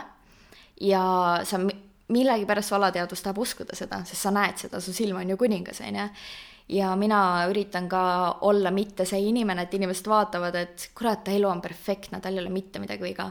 ma olen näidanud oma aknet, ma olen näidanud oma, ma ei tea, suhteraskeid aegu, ma olen rääkinud seal depressioonist, ma olen näidanud seal ka, kui paista võib ühe menstrueeriva naise kõht minna ma olen rääkinud seal ka sellest, et ma lihtsalt ei viitsi trenni teha või kui higine ma trennis olen või kui kole ma mõni päev võin olla, et ma näitan seda kõike. Sest äh, ma tunnen, et ma seostun paljude inimestega, mulle vahepeal saadetakse pilte vastugi et äh,. tikk-tikk-tikk. jah, või noh, neid on ka tulnud, aga nendest me ei räägi, aga igal juhul äh, see on sinu enda valida, kas sa käid seal Instas, keda sa jälgid, nii et äh, põhimõtteliselt sul ei ole mõtet Instagrami süüdistada, vaid teha oma valik lihtsalt. seda ma tahaks lihtsalt, tahaks lihtsalt karjuda, sest et nii haige appi sa oled selles mõttes nagu ülisarnane meile. ma nagu tundsin ennast ära, nii kui rääkisid, et ma, mida ma tegin mul on, ma ei mäleta, mis mul see suhe on, mul on viis tuhat ükssada jälgib äkki mind ja ma ise jälgin vastu viite kuut, kuutekümmet, viitekümmet inimest mm. -hmm. tegin sama asja. nii kui ma mm -hmm. nägin seda, et mind, kui mul tekkis see probleem ja ma hakkas häirima Instagram. sest et tihtipeale, mis on ikka valetada, ma läksin kadedaks mm -hmm. mõne inimese peale, mul tekkis viha mõne peale. mul tekkis äh, mingi muu sõltuvus, lihtsalt scroll isin, mis iganes veel. ja ma avastasin, et nii kui ma tundsin mingi inimesega mingi pildi vaadates sihukest asja nagu, et türa perse raisk, nahku sa teed niimoodi või nagu, et see häirib mind mm, -hmm. unfollow. vahet ei ole, kes ta on, pere, sugulane, hea sõber, parim sõber, jumala pohhui. kui see mind häiris, järelikult häirib mind jät- jätkuvalt mm. -hmm. niimoodi nägingi, ma jätsin mõned alles meelega, okei okay,, ma pigistan kinni, las ta olla praegu, ta on ikkagi, kuule come on, ikkagi ju see toimunud, toimunud mm. -hmm. ja siis läks nädal aega mööda, tunnen jälle seda, et perses mis ta on nii närvis vend ja panen unfollow on kõik mm. -hmm. ja täna ma, ma isegi Instat pole avanud mitu kuud juba, aga me- kui ma ära tegin selle, siis ma tundsin, kuidas nagu sihuke nagu relief mm. -hmm. nagu fuck yeah., mul ei ole seda sitta enam, mida ma pean vaatama selliselt. mis ongi, nagu ütlesidki, meie enda valik on ju, me, kas me valime jälgida viit tuhat inimest või jälgida, valida kolm inimest on ju. aga enamus inimesed ei suuda nagu sellest lahti öelda, sellepärast et sotsiaalmeediast on saanud justkui nagu elu, et kui ma sotsiaalmeedias ei näita, mida ma teen, siis tegelikult seda juhtunud pole mm. -hmm. et kui ma täna ei pildista siin ennast, siis põhimõtteliselt me täna siin ei viibinud jah, noh, see on lihtsalt Jah. nii haige, see on lihtsalt nii haige, et panebki selle perspektiivi, et, et nagu miks me nagu elame, kuidas me nagu, kuidas, kuhu, kuhu me nagu oma, omadega jõudnud oleme lihtsalt. või absoluutselt. mis sa, Martin, mõtled, kas see ei, töötab? ma olen täiesti sama meelt. ma ise ka ikka pidevalt, kui ma näen, et keegi, kellega ma nagu ei haaku või kelle, kelle pildi ma kogu aeg nagu scroll in üle, ma panen alati unfollow. Tasapisi teen nagu ka seda harvendustööd, et ja isegi, mul on isegi kirjutatud ka, ma kujutan ette, sul on kirjutatud ka niimoodi, et oh, mis asja, panid unfollow või? normaalne No, vend oled. jaa, sellest no, on, Sorry, äh, ma kirjutan vastu, et jah, kahjuks ei resoneeru enam. mõne seda on puhul on näha. tulnud isegi on- suur skandaal. kui sul on äpp olemas selleks, siis sa näed, kes aa sul unfollow paneb. okei, okei. Äh, mõne puhul on tulnud isegi skandaal, et ma olen läinud inimest äh, kallistama, näinud teda ja olnud, et oo, tšau, teen kalli ja mulle vaadatakse otsa nagu, et tšau. Siis ma küsin, et no milles nüüd asi? tean küll, et sa panid mulle unfollow. no sihukest asja on ka ikka. aga noh äh,, jah, tegelikult suures pildis on tegelikult nii labane lihtsalt, nii tühine asi tegelikult. tegelikult jaa, et ähm, aga üks asi on see, kui sa mõtled, et miks sind paljud asjad häirisid, siis sa pead jällegi vaatama enda sisse, et mis Jaa, seal absoluutselt. häirib. et äh, jah, sa võid ära kustutada, aga samas sa pead tegelema ka sellega, et miks see sind häiris, et äh, tihtipeale jah, need inimeste pildid on nii fabritseeritud ka muidugi, et äh, sa näedki väga moonutatud kujul neid asju ja seepärast ka see sind häirib et näiteks äh, sa oled eluaeg tahtnud reisida ja sa tead, et ühel inimesel näiteks ta ei tee väga palju tööd ja sa tead, et tal ei tohiks nagu väga suur sissetulek olla, aga kurat, ta käib reisimas kõikides nendes kohtades, mis mina tahaks käia. kust ta võtab aja, kust ta võtab raha ja sa iga kord vaatad seda ja sa muutudki kadedaks ja Mhm. vihaseks, kuni sa paned unfollow. et see ei tähenda, et sinu jaoks on nüüd lahendatud olukord, et sa tahad reisida, aga sa ei saa ja teised käivad, vaid sa kas pead enda jaoks tegema selgeks, et äkki te- keegi teine maksab ta reisid kinni või sa pead selle teema kuidagi enda jaoks nagu lahendama või mm -hmm. siis muutma enda elus midagi, et sa saaksid elada oma nagu seda unistust, absoluutselt. et niisama ta ei haihtu. jah, endaga tuleb ikkagi tööd teha Jah. ka. aga sa võtad osa Radari kampaaniast hashtag ära vihka Mm -hmm. ja ilmselgelt meedia poolt on sinu suunas palju viha, laimamist ja hukkamõistu. et kuidas sa tuled toime selle kriitikaga ja kas äh, raskematel hetkedel käib ka neid mõtteid peast läbi, et äkki kõikidel negatiivsetel kriitikutel on õigus eks on olnud kunagi ikka neid mõtteid, et äh, miks ma üldse seda teen, et on olnud ka mitu postitust äh, mu blogis väga siuksed südantlõhestavad, mida ise uuesti lugedes võib hakata jälle nutma. et äh, kus ma olen nagu väike haavaleheke, keda siis rünnatakse ja seal tikutulega põletatakse. Et äh, jällegi, kui inimesed, kes mind äh, nii-öelda austavad ja kes vaatavad mulle kuidagimoodi alt üles või keda ma olen aidanud, jälle hüppavad nii-öelda appi ja tulevad sinna kommenteerima, et oh jumal, ära pane neid tähele, et sa oled nii paljusid aidanud ja sa oled minu sõbrannas ja mu ema ja kõiki aidanud.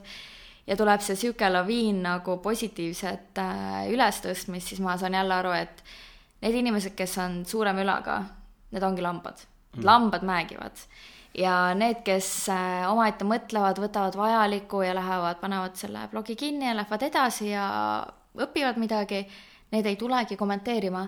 et muidugi on neid, kes äh, jagavad omast kogemusest midagi tarka, et teisigi jällegi aidata, aga enamjaolt inimene ei ole nii-öelda takkakiitja, vaid kritiseerija et, et nähakse viga ja siis kohe nagu hüpatakse selle kallale, aga kui miski on nagu väga hea, siis noh, ei kipu nagu ütlema.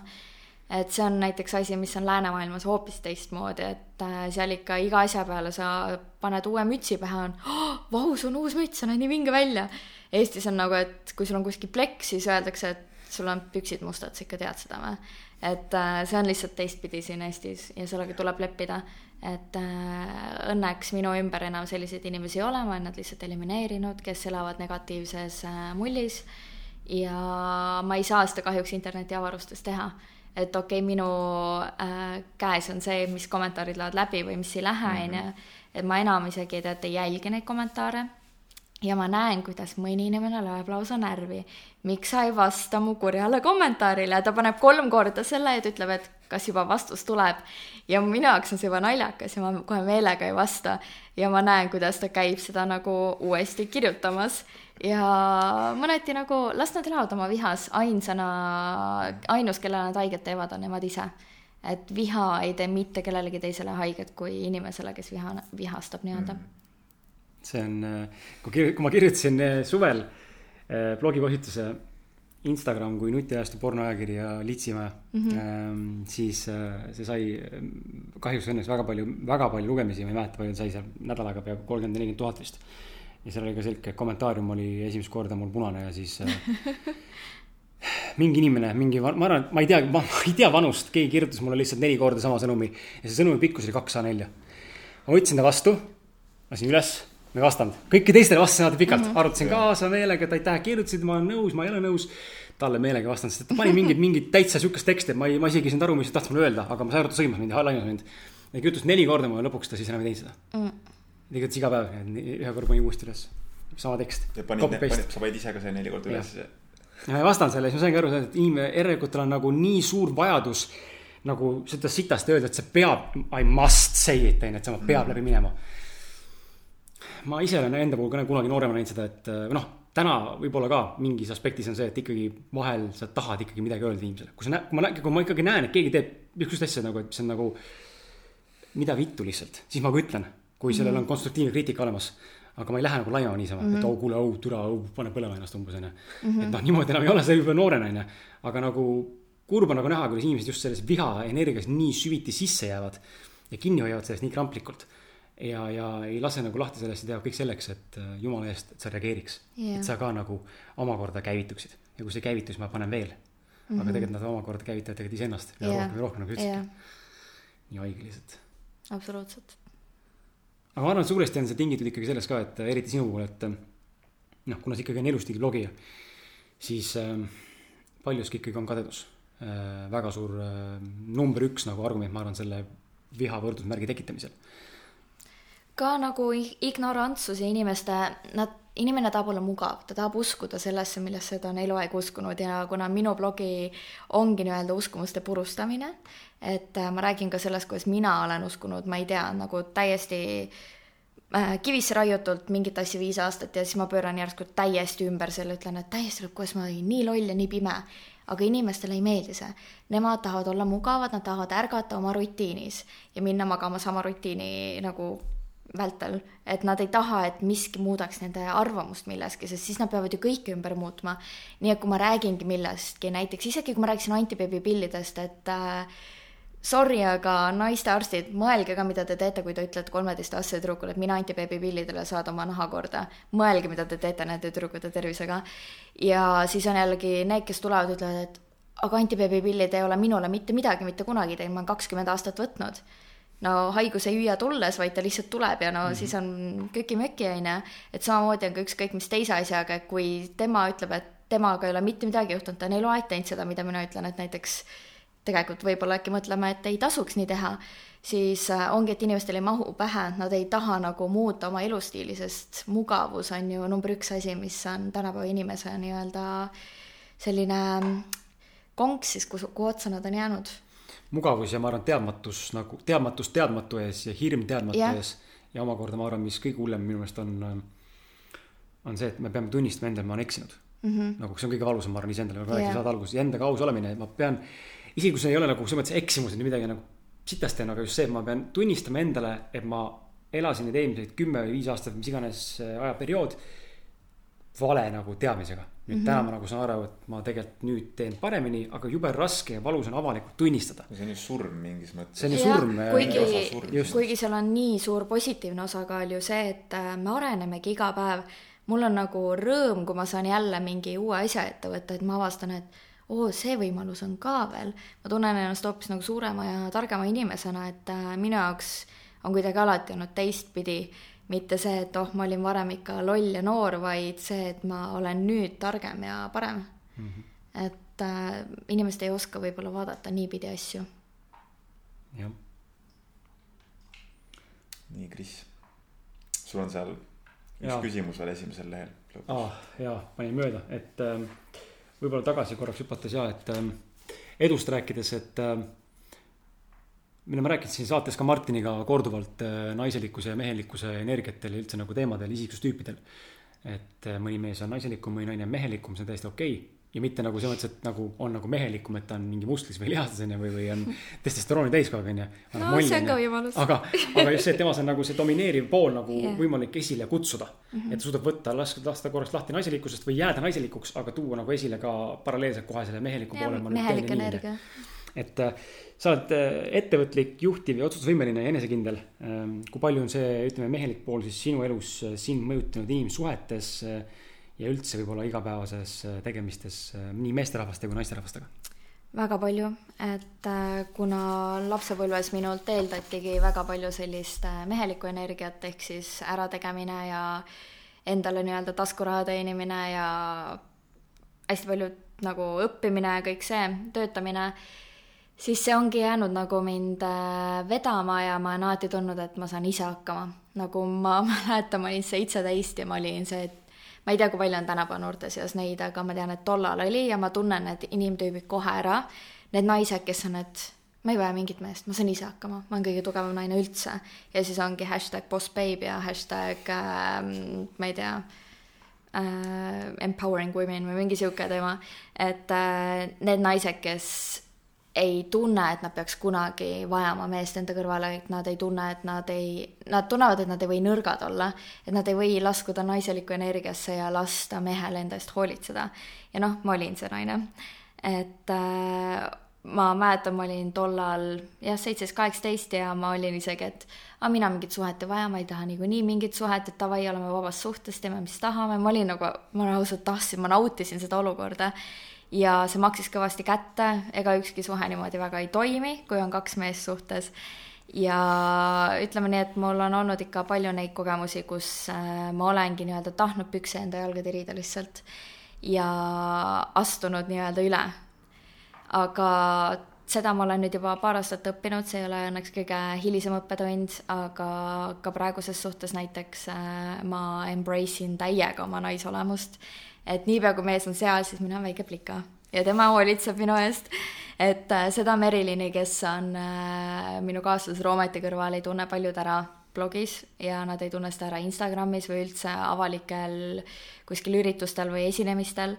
ja see on ka see Itaalia saade näiteks või meie blogid ja seda on lausa naljakas vaadata ja nagu ma ei ütle üldse, et äh, inimestel ei ole õigust oma sellele arvamusele, kus nad ütlevad, et ma olen nagu täis pubekas seal et ma olen äh, naeruväärne ja alaarenenud. Ja ma naeran väga jubedalt, okei okay,, see on tõsi, see viimane on tõsi, ma naeran päris koledalt. aga see, et inimesed nagu, väga paljud naised kardavad lasta oma sisemist last välja, mitte isegi naised, mehed ka. Nad kardavad, et ühiskond vaatab, et kuule, sa oled juba kakskümmend viis nagu, kus su lapsed on, et mida sa seal last mängid, on ju. et me ikka omavahel, no meie naljad on lihtsalt nii, tahaks öelda next level, aga nad on pigem nii down level, nad on nagu nii alaarenenud ja meie suhtlusviis on nagu väga sihuke teistsugune. et kes me Itaalia saadet nägi, see pani tähele, et no me ir-, ir-, irvitame ikka iga asja üle nagu ja inimestele see mõneti ei meeldi, sest jällegi see ei ole ühiskonna poolt aktsepteeritud. sa pead ju käituma korralikult, sa pead olema täiskasvanud inimene, aga ma olen siin, et neid asju murda. et äh, selles mõttes jah, ma olen kindlasti väga, väga paljude jaoks ka vastumeelne.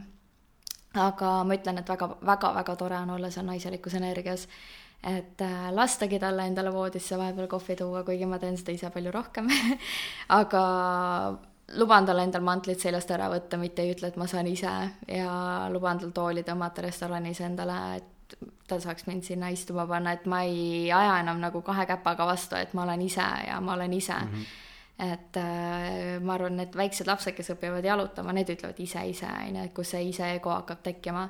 aga ma arvan, et vahepeal on mõni koht, kus seda võiks langetada ka ja see võiks kindlasti olla see koht, kus sa julged olla kõige haavatavam, ehk siis oma kodus. Jah suhte, ei ma lihtsalt mõtlen, et suhted on ikka metsik enesearengu kiirtee, et. on küll jah. mul on ikka ka minu see praegune suhe ikka nagu nii palju õpetab mulle iga päev, just eile oli meil jälle olukord, kus meil tekkis mingi väike tüli, sihuke täitsa nagu väiksest asjast. aga temale see vajutas hästi nagu sügava nupu peale ja ja siis me avastasime siukse asja, et äh, ma nagu, ma ei oska võtta sellises olukorras initsiatiivi absoluutselt.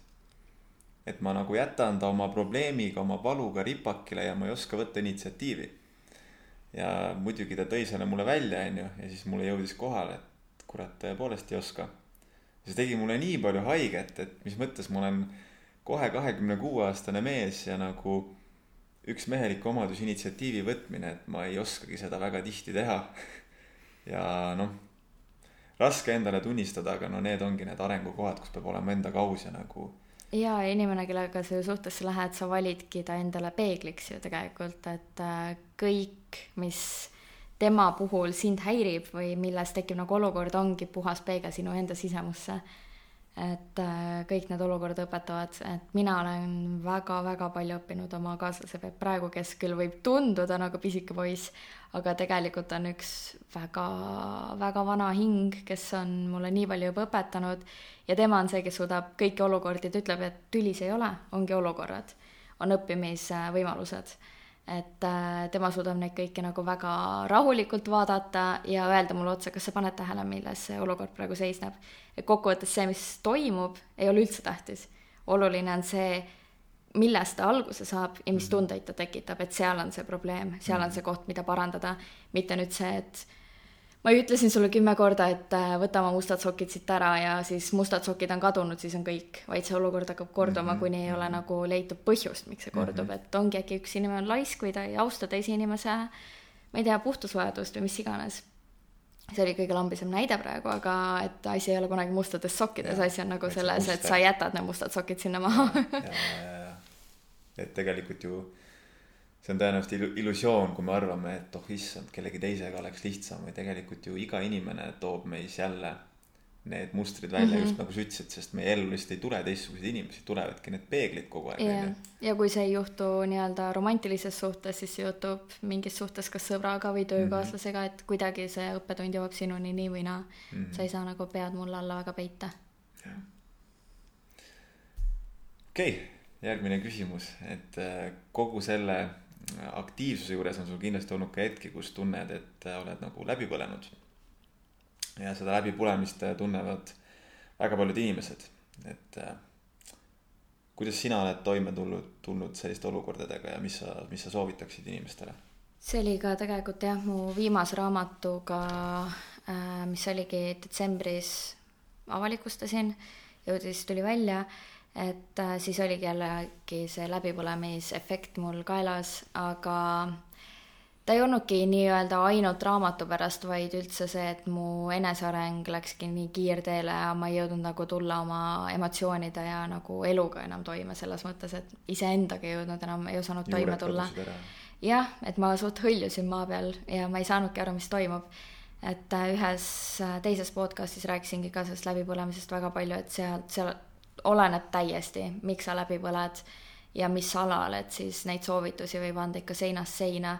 Aga kõige olulisem ongi, nagu me enne rääkisime, siis kui sa teed kirega mingit asja, mitte kohustusest või mitte raha pärast, siis see läbipõlemise efekt äh, niimoodi sinu, sind ei hiti et sul hakkab pigem siis kaduma lihtsalt motivatsioon ja kirg midagi teha ära ja siis sa lõpetadki selle tegevuse ära, aga kui sul on nagu kohustus või raha, mille nimel sa seda teed, siis sa ei näe, sa ei, sul ei juhtu seda momenti, et täna ma ei taha tööle minna, sest sa niikuinii ei taha ükski päev tööle minna, kuni lõpuks sul on nii, et sa nagu füüsiliselt jäädki haigeks või sa ei mhm. suuda minna. Et kõige olulisem on tunda ära see moment ja lubada endal puhata ja olla. ja ma tean, et minuni on need läbipõlemismomendid jõudnud just seepärast, et ma ei, nagu ma ütlesin, ma olen alati see tegutseja, ma ärkan väga vara, ma hakkan kohe töötama. et ma ei osanud võtta kunagi aega maha ja see on olnud minu viimase poole aasta õppetund, et äh, ma olen võtnud päevi, kus ma lihtsalt olen terve päev voodis ja ma ei tunne ennast halvasti, ma ei tunne, et nüüd ma pean lugema, nüüd ma pean kirjutama, nüüd ma pean meilidele vastama, vaid ma olengi olnud nii, et äkki ma magan, äkki ma mediteerin, nüüd ma kõnnin, ma koristan, lähen äkki uuesti kõndima. et nagu võttagi selle, et ma võin lihtsalt olla, sest kui ma tekitan endale ruumi tühjusele tekitan nii-öelda ruumi, siis see ruumi, seda saab ka täita. kui seda tühjust ei teki, mul ei tekigi uusi ideid, mul ei teki uusi nagu uut motivatsioonilaengut, sest ma olen juba nii üle valatud ja minu senine praegune suurim idee ja minu unistus jõudis minuni sellega, et äh, ma võtsin need nädal aega ja ma lihtsalt olin ja mul käis plõks üks päev ära ja minuni jõudis see idee ja mõte. vot see, see ongi lahendus ja see ei jõua enne, kui sa ei tekita nagu seda vaba momenti endale mm. -hmm. ja läbipõlemisega jah, täpselt samamoodi, et, äh, et sa põled läbi, kui sa ei tekita enda jaoks aega ikkagi. jaa, läbipõlemisest rääkides, et äh, tegelikult on huvitav see, et vaata ühiskond ju mingil määral äh, surub meid ka või noh, survestab selles mõttes ähm, ütleme selle ülima aktiivsuse osapoole pealt, ma iseenda elus näen äh, ka, eriti viimastel aastatel, muidugi ma tahan pingutada, aga ma näen, kuidas see ühiskond justkui survestab, et kui sa ei tegutse piisavalt, kui sa ei tee nii palju asju päevaks ära, kui sa ei tee nädalas nii palju asju ära, kui sa ei saavuta seda, seda, seda asja, siis põhimõtteliselt, põhimõtteliselt oled sa laisk Äh, looder on ju ja sa ei jõua elus mitte kuskile mm. -hmm. et äh, mulle meeldib nagu selline momentum, nagu ütleb mulle ka, et äh, kus, kui küsisin viimati sinu juures ka Martin, Martin, kui me käisime seal, et kus meil kiire on, kus me, kus me tormame mm, -hmm. et me, mhm. et saab kulgedes selles mõttes nagu rahulikumas tempos mm -hmm. ennast usaldades, ennast teades liikuda elus edasi. ilma, et peaksin nagu olema konstantselt pisi, pisi, on ju aga loomulikult noh, muidugi elus on eri, etapid erinevad ja mõnikord ongi seda vaja ennast sundida, tegutseda ja laiali saada, aga, aga tõe, tõepoolest, et mõnikord on see, kus tuleks nagu endale otsa vaadata, küsida, kas kas tasub nagu niimoodi enda ajusid ragistada, et võib-olla tõesti tuleks võtta päev-kaks, nädal aeg maha ja lihtsalt olla, sest et ainuke inimene, kes tegelikult hukka mõistab sind, oled sa ise ju mm. -hmm. ma enda pealt näen väga hästi seda, et tegelikult ju mitte kedagi koti äh,, mitte kedagi, tuleb ka seda meelde, et mu mentor ütles laupäeval, nüüd käisin seal, ütles, et rääkisime sellest, mida teised, teised inimesed arvavad meist, onju. Mhm. et äh, me üritame seal käia õige, õigesti ja ilusti riidesse panna ja esineda ja olla teistsugused, kanda mingeid maske ja et jumala eest kõik arvaks meist hästi, onju. aga tõi nagu hea, hea näitena selle kohalt, et tegelikult ju me muretseme selle pärast, mida teised inimesed arvavad meist, aga teised inimesed tegelikult muretsevad selle pärast, mida teised arvavad neist mm. -hmm. ehk siis tegelikult ei mõtle üldse meie peale. võib-olla mõni üksik mõtleb selle peale, et issand jumal mm,. eriline sihuke valge särk seljas ja mm, mm, ja, ja natuke kollakas ka juba jah, vana jah. et võib-olla mõni mõtleb niimoodi, see on võib-olla mingi üks protsent mingisugusest, ma ei tea, millest on ju, aga. aga midagi ka ei juhtu. ja midagi ei juhtu, mõtlebki nii, onju, aga, aga me muretseme selle, mida teised mõtlevad meist aga tegelikult me ise ju tekitame endale seda nagu seda, seda mind, mindfuck'i, et nii, ma täna mhm. võtsin päeva vabaks täitsa perses kui mitte midagi ei teinud, kui mõttetu vend ma lihtsalt olen. täiesti mõttetu vend, trenni ei teinud, olin ainult lapse naisega, onju. Mida vittu üldse käisin jalutamas, mida ma üldse tegin täna? aga ja... täiesti mõttetu teha seda endale mm. -hmm. ja sealt ongi mul muutunud praegu tead Insta ja blogi väga palju, et mul enne oli need kaks postitust nädalas vähemalt ja nüüd on olnud kahenädalasi pause, ma olen kuu aega olnud blogimata keegi ei sure ära ja keegi tegelikult kokkuvõttes ei charge'i mind seepärast ja olengi ainult mina ise, kes ma olen, et ei, ma pean, aga kes on öelnud, et ma pean, mina ise mm. -hmm. ja samamoodi Instaga, et kui ma panin kaks pilti päevas Instasse nagu, et see oleks maximum growth ja nii, kokkuvõttes, mis mis, mille nimel, miks ma nagu ennast ribadeks tõmbasin ja miks ma panin ühes pilte, millel ei olnud nagu tegelikult reaalset sõnumit, mul ei olnud midagi edasi anda. ma ei pakkunud inimestele tegelikult nagu teavet ega mingit hüve. Ja nüüd ongi, et äh, mul on keskmiselt läheb iga kolme kuni viie päeva tagant läheb üks pilt üles ja ma tunnen ennast paremini. meeletu rahu tekib, siis kui sa tead, et sa ei pea enam nagu, seal ei ole mõtet ennast niimoodi vägistada mm. -hmm. kelle nimel, mille nimel, keegi ei lähe ära, keegi, kõik ju, pigem tullakse rohkem jälgima veel, kui nähakse seda autentsust. et see mm -hmm. ei ole mhm. mingi robot, kes paneb viis pilti päevas ülesse mm. -hmm. see ongi huvitav, see on nagu, tegelikult saab loodusest tõmmata häid paralleele, et äh, kui võtame, kuidas vesi nagu lihvib kive mm. -hmm. Kuidas pidev veevool äh, lihvib tasapisi kivid jumala siledaks, onju. et samamoodi ju meil elus võiks olla, et kui ma näiteks tasapisi ülivaikselt liigun järjepidevalt mingis suunas, siis ma ju niikuinii jõuan kohale üks hetk mm, -hmm. et ma ei pea ju mingi rabelema, tõmblema, võrdlema ennast, et issand. see vend jõudis aastaga sinna, ma nüüd pean jõudma üheksa kuuga onju, või ma pean ka aastaga hakkama saama, et mm. -hmm. ma arvan, siin see Eesti vanasõna, et tasa sõuad, kaugele jõuad, on nagu kulda väärt, et. vahet pole, kaua läheb, et as long as sa mm -hmm. nagu mhm. jõuad sinna onju, tingimused erinevad, jah pluss nagu protsessi ka nautida selle kõige käigus. protsess on kõige ilusam ju, et äh, mäleta, mis selle filmi nimi oli, aga seal tuli, põhisõnum oligi see, et äh, vei-, viidi mingit meest kaasa kogu aeg ühe mäe tippu, kus ta pidi mingi asja leidma. kokkuvõttes, kui ta lõpuks sinna jõudis ja ta ei leidnud seda asja, siis ta oli hullult õnnetu, aga kogu see protsess oli näidatud. see oli sihuke nagu ta oli nagu sihuke Ani, animatsioon selline lühifilm või? ei, ei ta ei olnud lühifilm, ta oli ehm, nagu hästi sihuke vaimne film selles oh, mõttes okay., aga natuke vanem film no.. nime ei, ei mäleta. ei mäleta praegu üldse. pead andma meile pärast. jah, aga igal juhul ta jõudis kohale ja seda asja ei olnudki, mis ta leidma pidi ja ta sai nii vihaseks, et mille pärast ma üldse tulin, miks ma üldse võtsin selle tee ette, siis ütles, et kas sa protsessi nautisid täiega, aga ma tahtsin ju seda asja aga protsess oli see, mille nimel sa tegelikult seda tegid.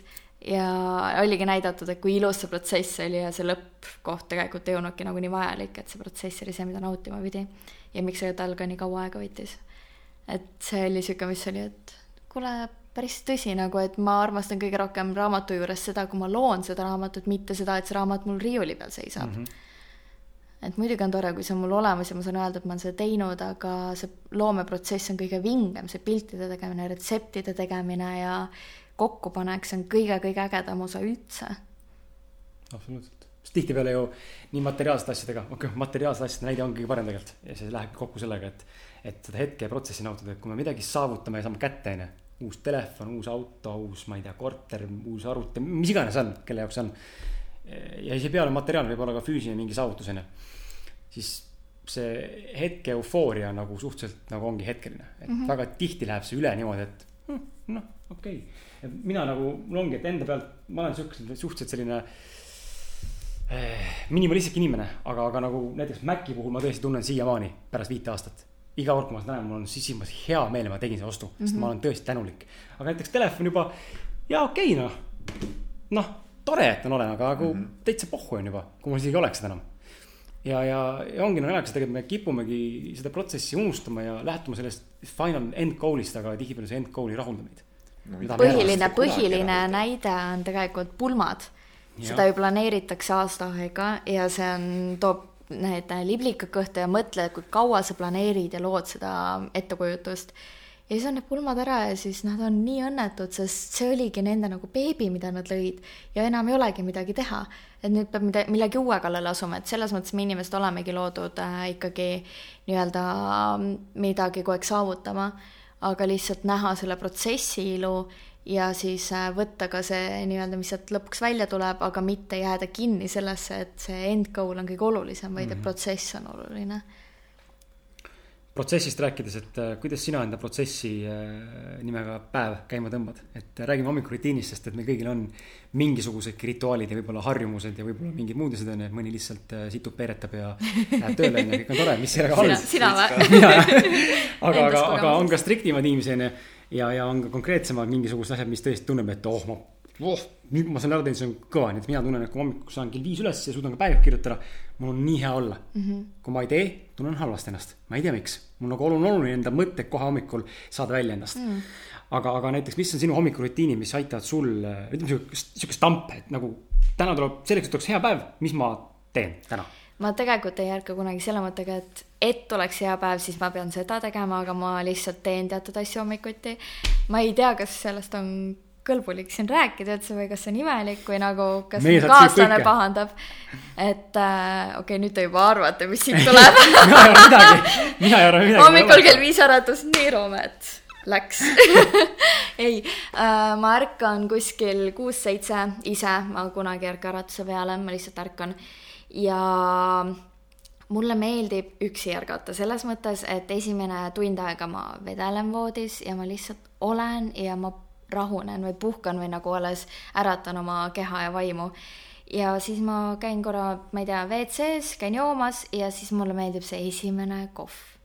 see teadmine, et see kohvimasin ootab mind ja ma saan valida, missuguse kohvi ma täna endale, endale teen, siis ma teen selle kohvi, ma naudin seda ja siis ma lähen Rometit äratama, kimbutama. me alles kolisime kusjuures kokku, nii et nüüd see saab olema ka igapäevane nii-öelda äratusviis, aga ma alati hüppan ta peale ja siis ma kiusan, näpistan, hammustan, kriiskan, teen veidraid nägusid, siis ma mängin kolli tal teki all ja ma ei tea, ma teen mingeid kõige veidramaid asju, sest ma tunnen, et ma lasen oma selle pisikese sahmerdaja enda seest välja, siis ta nagu elab ennast välja ja siis, kui Roomet läheb tööle, siis mina saan nagu rahus oma asju teha, sest muidu mul jääks see sihuke lapseks sisse mm -hmm. tembeldama. Et äh, ma, ma arvan, et see hommiku äratusrutiin talle meeldib, ma tahaks uskuda, sest ta iga kord naerab ennast ribadeks. vahepeal ta saab väga palju haiget, aga see selleks. ja siis ma teen talle kohvi, siis ma joon pool teema kohvi ka ära, siis ma viin talle selle pooliku kohvi ja siis me lähme trenni tihtipeale siis tema läheb tööle, mina lähen oma koju ja teen nagu oma tööd siis. aga et kuidagi on, see on lihtsalt ise läinud paika, see selline hommikurutiin, et äh, ei ole vist kõige klassikalisem, aga, aga mulle meeldib. ma lausa ootan neid hommikuid, kui ma saan teda kiusata. äge. mis sul on? minu hommikurutiin yeah. või? mul on nüüd kujunenud see, et äh, ma muidu olin kogu aeg selline poolöö inimene mm. -hmm ja ma mingi hetk tundsin, et ma ei taha enam nii, et ma tahan hakata tasapisi viima ennast sinna rohkem hommikuinimese suunaks. ja nüüd äh, ma suudan juba ärgata kell üheksa see on minu jaoks väga vara. Just rääkisid siin, et ärkas kell kaksteist, mõtlesin, kuidas treener saab lubada endale kell kaksteist ärkamist et ärkan kell üheksa, siis ma üritan äh, võtta alati siukse kiire korraks külma duši korraks külm dušš, siis soe, see nagu ka loob nagu selle värskuse kohe. siis me enamasti koos tüdrukuga koos mediteerime siin diivani peal, tema siis. mis enamasti..., mis poosis siis enamasti me lihtsalt istume kõrvuti äh, selles, mis on lo, lootusasend on ju. ja siis tema mediteerib enamasti tund aega, mina üritan saada viisteist minutit, siis on juba, siis ma olen juba väga happy endaga. ja siis ma äh, siis asun oma valuutaturgu analüüsima, tegelen sellega kõigepealt ja sealt siis juba edasi mm.. et see, see mulle nagu meeldib ja see ena, enamasti valmistab mind väga hästi päevaks ette, et. vaat kui erinevad inimesed kõik on. igalühel oma. Väga lahe. nii. mis on elu mõte niisugune tuim toores küsimus, aga kuna, kuna mina olen see mina olen siin saate, tegelikult Martin ka, aga ma olen rohkem selles mõttes selle vaimsema osapoole nagu selles mõttes, ma tahan alati seda sügavat vestlust saada kätte mm. -hmm. just nagu seda, seda utoopiat ja sellist nagu universumit tulnukaid ja ma ei tea, hinge ja surma ja. sellepärast see küsimus sees ka seal. Minu praegune arusaam elu mõttest on hoopis teine, kui ta oli pool aastat tagasi, aasta tagasi. ära valeta hoopis teine, et äh, tegelikult elul ei olegi mõtet sorry, ma olen väga dark selles osas, aga elul ei ole mõtet, sest me kõik oleme lihtsalt väiksed sipelgad siin, kes surevad, sünnivad kogu aeg ja kui mina täna suren, siis ma usun, et maailm ei jää seisma, mitte midagi ei muutu, teistel elu läheb edasi. selles mõttes ei ole üksikindiviidil otseselt elu mõtet äh, suuremas pildis, küll aga enda sees on elu mõte lihtne, olla õnnelik. tegelikult ei ole mitte midagi muud, sa võid kas või äh, sündida ja surra ühes ruumis, aga kui sa oled õnnelik, siis su elu on korda läinud ja sa muud ei vajagi. Et äh,, et olla õnnelik, sa vajad kasvu, sa vajad arengut ja võib-olla isegi õppida, kuidas saada õnnelikuks, kuidas olla õnnelik, aga kindlasti ei ole elu mõte karjääri ehitada, teenida raha äh,, saada kuulsaks, ma ei tea, saada teatud arv lapsi, teatud suuruses maja, teatud hinnaga auto. Et tegelikult loeb ainult see, et sa oled õnnelik, sest äh, elu on lühike ja nagu kõik meie õppetunnid viivad ka meid ju sinnamaale, et me oleksime tegelikult endaga rahul, et me armastaksime ise, iseennast eelkõige ja oleksime õnnelikud. kuld. kuld. kulda räägid. jah yeah. täitsa nõus, elu, elu, elu mõte. see ongi, kuidas seda defineerida, aga ma olen, olen ise ka nagu selles mõttes ähm, pigem seda meelt, et ähm, surra õnnelikuna selles mõttes mm -hmm., et ikkagi nautida seda eksistentsi siin hetkel ja, ja ennast ja, ja õppida ka ennast tundma nagu. jah, nagu Roomet on öelnud, et äh, need hetked, kus ma olen aru saanud, et kurat, elul ei ole mitte mingit mõtet, et ma usun, me kõik oleme mõelnud seda, et mis mõttega ma üldse siin olen, mis mõttega ma üldse mm -hmm. midagi teen, kui niikuinii see kõik on kaduv ja sellel ei olegi mõtet, siis tegelikult ta ütleb alati, et aga miks mitte siis olla õnnelik. kui sellel niikuinii ei ole mõtet, miks mitte olla õnnelik ja mm. seega ongi elu mõte olla õnnelik tegelikult. Kiidupunktid sinu noormehele ka. jah aga, aga vastupidiselt äh, vihkamisest, me oleme sellest rääkinud natuke siin ja, ja oleme eelnevates saates Martiniga pühendanud ka eraldi saateid äh, vist isegi sellele teemale, aga et räägi meile enesearmastusest ja, ja selle olulisusest. sa küll põgusalt seda täna siin mainida, aga, aga võib-olla kuidas seda, mm, võib-olla välja tuua üks konkreetne asi, kuidas suurendada enesearmastust enda vastu enesearmastuse olulisus ongi, et äh, sa saaksid olla õnnelik, sest ilma selleta sa lihtsalt, ükskõik, mis sa teed, sa ei saa olla õnnelik. Ähm, seega see on nagu number üks asi, mida sa vajad õnneks tegelikult. Äh, ongoing battle, ütleme nii, et ähm, ma ei ütle, et ma olen seal kohal, et ma olen sada protsenti seal, kuigi ma ütleks, et ma kahekümne aastaselt arvasin, et nii, nüüd ma olen seal, vot nüüd mina armastan ennast. Aga siis sinu, sinuni jõuavad erinevad õppetunnid, erinevad raskused, mis jällegi tõestavad vastupidist. ja isegi kui ma olen teel kogu aeg aina lähemale, siis ma ei tea, kas ma kunagi selles mõttes jõuangi sinna, sest ma tean, et minu selle elu õppetund ongi enesearmastus, puhtalt. Et äh, nippe, kuidas lähemale jõuda, huh, oleneb, kus inimene on, et äh, kindlasti vaadatagi enda sisse ja ainult tegeleda endaga, tervendada ennast. ja üks olulisem asi, mis ma olen endaga viimasel ajal kaasa võtnud, on see, et ma ei ole katki.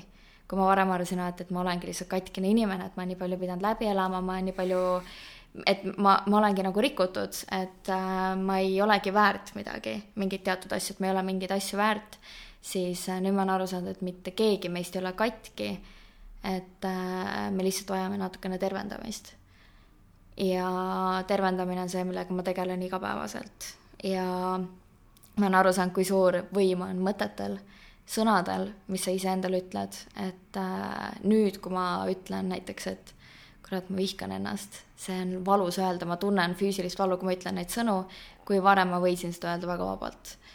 ja ma lihtsalt, kui ma avastan ennast halvadelt äh, mõtetelt, siis ma mõtlen kohe, et millega ma jõudsin sinna, mis mind trigerdas ja kuidas see asi nagu elimineerida mm -hmm. ja kuidas see ümber pöörata. ja ma olen kirjutanud nii-öelda noh, niisugused mantrad või taotlused enda jaoks üles, et, äh, et mida ma siis loen nendel hetkedel, kus mul on raske. et ükskõik, kas sinna on viinud mind mingisugune tagasiside või sinna on viinud mingisugune olukord või tüli või tüli iseendaga, siis äh, just see sisendada, et, äh, et mis on positiivset minu juures et äh, isegi kui ma tean, et ma ei saagi kunagi olla perfektne, minul on halbu külgi ja meil kõigil on vigu, siis mis on see hea sinu juures, sest meis kõigis on midagi head. ja üks suurimaid asju, mida ma üritan endale öelda, on see, et ma olen paljusid aidanud ja see suudab panna mind kõige rohkem ennast armastama. et äh, ma olen suutnud aidata teistel inimestel jõuda lähemale enesearmastuseni enesearmastus on minul ka läbi, läbi teema viimased aasta, natuke vähem võib-olla viimased, ütleme pigem pool aastat sihuke pärast lapse sündi, see on ka huvitav tegelikult näha. pärast seda, kui isaks sain, on hakanud toimuma siuksed nagu äh, mingid alaväärsuskompleksid on hakanud üles tulema ja ma hakkan endale teadvustama, mille pärast ma olen tegelikult terve elu olnud sihuke näiliselt äh, enesekindluse maski kandev inimene. aga tegelikult olen sellega pärssinud enda kolme väga suurt traumat mm.. ja mida ka tegelikult tänane siiani, mille üle mul tegelikult on isegi häbi veits mingil määral, kuigi ma saan aru, tegelikult häbi peaks olema, aga ikkagi tunnen siukest nagu häbi tunnet, et kuidas ma nagu issand jumal, miks see on niimoodi noh, et nagu kuidas ma ei saa hakkama noh. aga nagu mul on, mul on väga palju olnud enesevihkamisi, selliseid nagu tugevaid, noh, enesevihkamine, raske sõna. ja võib-olla ka natuke liialdus mm, -hmm. ma päriselt ei vihka ennast, aga, aga sellised hästi tumedad mõtted selle üle, kui mõttetu sitakott ma tegelikult ikka olen. ja need tulevad niimoodi hooti, noh, niimoodi, et kõik on tore ja siis mingi hetk tunned nagu, et see ketrab ja ketrab ja käivitab ja siis yeah. keegi valab juurde ja ise valad juurde ja siis lähed vaatad netis korvad. siis, siis, siis on kõik, siis on perses yeah.. aga nagu ongi huvitav näha tegelikult seda, et kui sa suudad nagu endale andestada või nagu ennast nagu aktsept-, andestavalt aktsepteerida selles mõttes, et äh, okei okay,, praegu on sihuke olukord, kõike saab muuta. Ja, ja kõike saab äh, lahendada selles mõttes, siis tegelikult ei ole põhjust enese otseselt nagu vihkamiseks, sest mm -hmm. et need on ainult etapid, mis tulevad tänu mingisugustele, nagu ütlesidki, trigger itele, mis mhm. käivitavad meid mm -hmm. midagi. kas toob mingi mälestuse või mingi muster või mingi muu asi. ja seal ei ole, suures pildis ei ole tegelikult seda mõtet, aga, aga hetkemomendist selles sees olla on väga raske tegelikult. jah yeah aga ta tulebki, miks ta tuleb tagasi, ongi, et kuni sa õppetunni ära õpid, kuni see enam ei trigerda sind ja kuni sa enam ei lähe kaasa sellega, vaid sa kohe vaigistad selle mõtte. Et äh, mul on nagu läinud aina kiiremaks see arusaam, et mida ma teen mm. -hmm. et seda ei ole vaja ja see ei tule minult, vaid see ongi nagu mingi väike õppetund siin vist. et äh, aina kiiremini ma saan aru ja nii-öelda kill ida selle mõtte koheselt et äh, on olnud kordi, kus ma olen paar päeva nagu nutnud ennast magama nende mõtetega ja on olnud nüüd kordi, kus ma teen korra päeviku lahti ja ma panen kirja oma tunded ja mõtted ja ma panen kirja ka nagu anti nii-öelda antitunded ja mõtted, mis siis nagu tühistavad selle. Ja plaks kõik. see on, see on, see on huvitav, jälle meil on nagu kõigil nii, nii sarnane lugu selles mõttes, et äh, mul on ka olnud hästi raske just lahti lasta sellest loost, et äh, seesama, et ma olen katkine ma olen katkine inimene, ma olengi defektiga, ma ei saagi mingeid asju korda enda puhul, onju mis on nagu nii bullshit lugu tegelikult. praaktoodang onju. aga ja, nii hea on ju olla ohver, vaata inimestele meeldib olla ohver, et et jah, teil on see perfektne elu, aga mina olengi katki, et nüüd tundkegi mulle kaasa. et äh, kellegi õlal saab jälle nutta ja see, see pity party sinu enda ja, sees. see on nagu, see on ju nii mõnus aga see... siis, kui keegi enam, kõik ütlevad, et kasva suureks nagu, et saa hakkama endaga, siis sul on, oot mis mõttes, ma olen katki ja mul on tehtud seda ja mul ongi traumad ja värki, et seda on palju lihtsam öelda kui see, et reaalselt tegele endaga. ja saa üle, et sa ei ole katki, et sa tahad olla katki. aga see ongi nii huvitav, kuni see nagu aina vähem on jõudu sellel lool, et eile oli ka see huvitav näide, kui meil oli see olukord tüdrukuga onju ja kuidas ma siis läksin lõpuks oma sinna vanasse loosse jälle, et issand, ma ikka ei saa hakkama millegagi ja ma ei oska oma elu elada ja ma ei oska initsiatiivi võtta ja nagu. ma olengi mõttemees, hakkasin peaaegu nutma siin diivanil onju. nii halb oli olla. ja siis tüdruk oli ka nagu, et oota, Martin. miks sa nüüd, ära nüüd vali seda, tee nüüd uus valik, sa ei pea seda valima yeah.. ja siis äh, ta just äh, koostas meie koreograafiat omale ühele uuele äh, treeningprogrammile siis ja siis tahtis, et ma, seal oli nagu sihuke paaris lugu, kus nagu ongi aga kahte inimest ja tahtis korra proovida, kas see toimib. ja ütles, et tule proovime. ma ütlesin, et ma ei taha, et mis asja, ma tahan istuda oma selles nagu. vastu teiega. seal, ma tahan istuda oma ohvri rollis onju, et ma ei taha ennast liigutada, et ma ei tunne praegu vabalt, et ma saaks midagi liigutada mm, -hmm. teha, et ma tahan olla selline onju ja vihata ennast. ja siis, kui ma lõpuks siis olin nõus onju temaga seal kaasa tegema onju, seal mingisugused liigutused ja siis oli nagu koheselt, koheselt oli kadunud, koheselt yeah. oli kadunud see vana see lugu, järsku nagu, et oot, aga ma ei, ma ei tunnegi ennast halvasti enam et.... ja see on nii tuttav. Ja vahepeal meil ongi vaja lihtsalt seda teist inimest, kes paneb sind naeratama ja paneb su nagu, tõmbab su välja korra sealt august, natukenegi ulatab käe. Ja siis sa saad aru, et kurat, kui kiiresti see käis tegelikult ja kui ebavajalik see oli. Mm. -hmm aga seal olla, sa hoiad seda vimme, su nagu ego ütleb, et ei, sa ei ole väärt, ära mine kaasa, ära naerata, ole kurb ja ole vihane, vihka kõike, vihka ennast. su ego on nii kuri. jah, see haige värk, see enesevõitlus on tegelikult haige värk selles mõttes, et see kestab elu lõpuni. sellest ei pääse, kui sa tegelema, tegelema hakkad sellega, siis see läheb ainult hullemaks mm, -hmm. selles mõttes, et see võitlus läheb ainult tihedamaks ja ainult hullemaks ja mm -hmm. eks ta lõpuks laheneb mingil määral kindlasti ja muutub võib-olla lihtsamaks ja, ja leebemaks, aga ja sa õpid sellega kiiremini toime tulema ja neid trigger'eid kiiremini nii-öelda untrigger ima siis, aga, aga ega ma arvan, et see ei lõpe kunagi mm.. äkki lõpeb. äkki lõpeb tõesti, ma ei tea noh. ma arvan, et see võibki olla lõpuks nagu, et see on, lõpuks enesevihkamine on nagu mingi kontseptsioon sinu peas, sa mäletad, et kunagi sa vaevlesid selle küüsis, on ju. kunagi oli sihuke asi, et sa vihkasid ennast aga sa enam, sul ei ole enam seda emotsionaalset reaktsiooni, et su kehas, su kehas ei teki enam seda, et sa ei lähe enam sinna ohvri rolli nagu mm. -hmm ma usun, et see on võimalik ikkagist. et ei pea eluaeg nagu nende samade probleemidega võitlema. jah, kui see ähm,, rääkides nagu väljakutsetest ja see, kuna see eneseületus ja endaga võitlemine on ka tegelikult väljakutse sinu endale igapäevaselt, iga, igakuiselt, iga-aastaselt võib-olla. siis räägi, mis on sinu jaoks olnud kõige raskem väljakutse viimase aasta jooksul ning mida sa oled sellest õppinud? kui sa oskad välja tuua mõnda ühte asja. viimase viie aasta jooksul Aa. või, või, või aasta, sa ütlesid okay. jah, ütleme viie aasta jooksul huh.. Mm. Neid on nii palju ja ma ei teagi, mis on nüüd suurem kui teine. aga kuule sisetunnet, tavaliselt on see alati see, mis tuleb, et kui sa mõtled üks tead, ja nüüd see on juba tegelikult on peas juba. tead, üks tuli ähm,. võib-olla mõneti see akne, et tegelikult okei okay,, see oli füüsilisel kujul minuga kaasas, aga ta peitis endast palju sügavamat asja. Et see oligi, see oli ka see, et ma olengi katki ja minuga ongi see akne ja ma teen kõike ja ta ei lähe ära ja las ta olla siis. Ja nagu ma peangi ennast vihkama, ma ei ole kunagi rahul endaga, et see oli nagu minu mentaliteet. ja kõige olulisem, ma varjasin seda nii, kui suutsin. isegi meig- inimesed meig- ei meigiga teadnud. ja inimesed ei teadnud nagu, mul isegi ema ütles, et mis asja, sul ei ole midagi. kuni ma võtsin meigi, ma ütlesin, et vaata mind, siis ta oli ossa raisk, kust see tuli. et ma nagu reaalselt võisin niimoodi seda peita ja saate aru, ma peitsin seda isegi oma elukaaslasest niimoodi, et äh, ma ärkasin, ma panin meigi peale. ma ei tahtnud, et ta näeks mind aknaga. ärkasid enne teda ja Jah. panid meigi peale. minus on olnud siukest äh,, mu, ma olen elanud siukses etapis ja reaalselt nii, et näiteks ähm, pär- trennis kandsin meiki, pärast trenni ma panin uue meigi, sest hakkasid punnid välja paistma ähm,. Läksin näohooldusesse meigiga.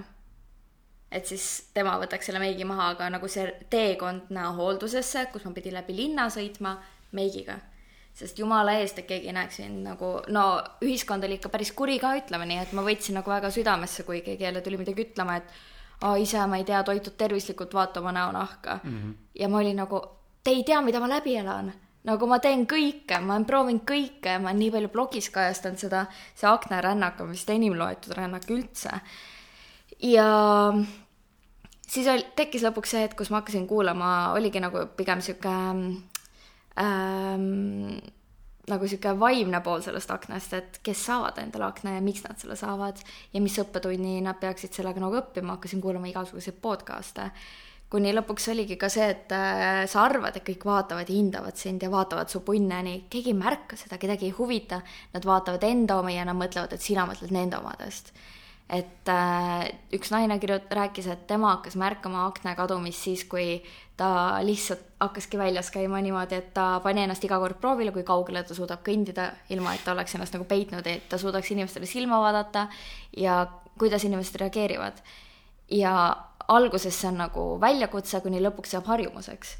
ja nüüd täna ma olen meigitud, sest mul oli väike pildistamine, aga ma, ma kannan meiki vist ma ei kanna isegi enam, ma ei viitsi pidudelegi panna meiki.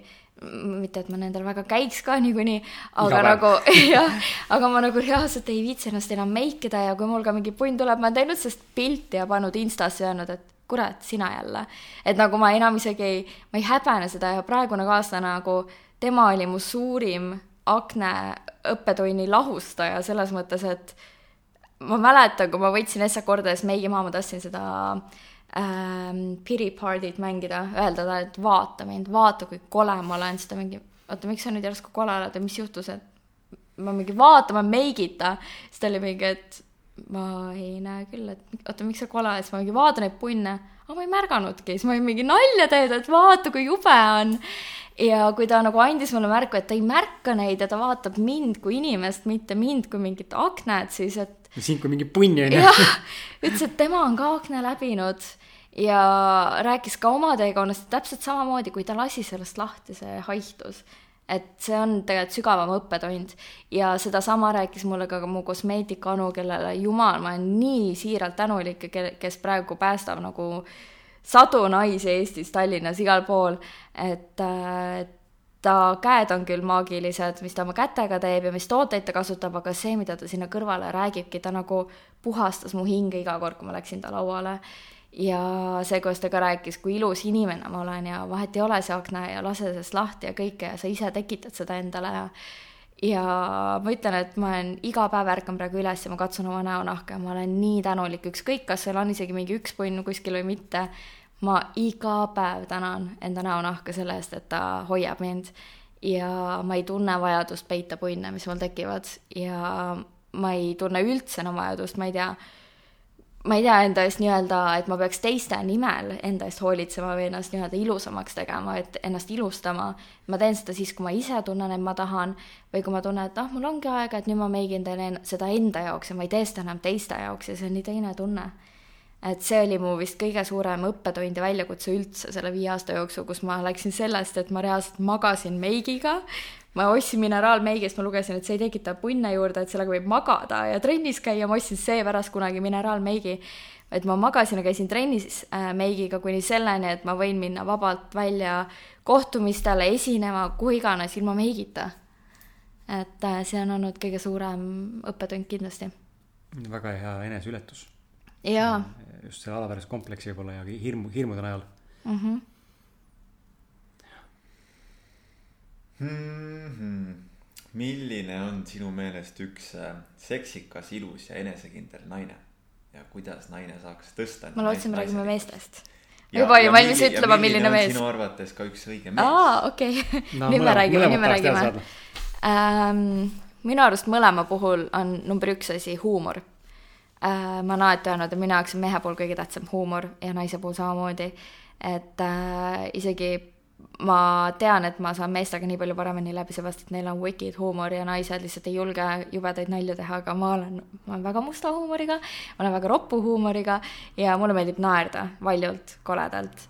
et äh, see on meil õnneks kutiga väga ühine aga, ja ma olen alati seltskondades, seltskondades on kõige valjem ja nagu jubedam naer, naerja alati, kajakas, nagu öeldakse seda on vlogides väga hästi näha, kes tahab nagu aru saada, millest jutt käib kutt tegi isegi nalja, et ta viis mind EMO-sse. see oli nali, väga paljud arvasid, et ta viis mind päriselt EMO-sse, et öelda, et äh, ma kardan, mu tüdrukul on marutaud, ta naerab nii koledalt.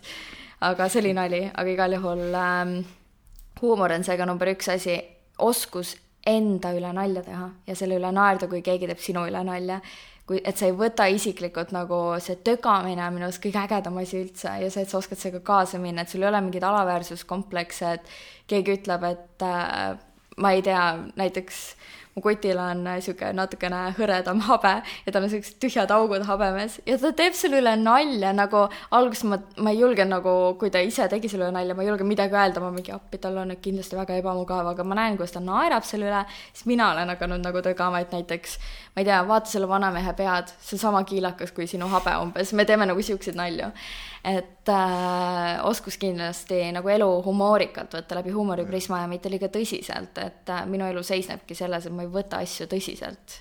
nagu ka mingeid poliitilisi jamasid, minu jaoks on see kõik puhas huumor ja nagu komöödia.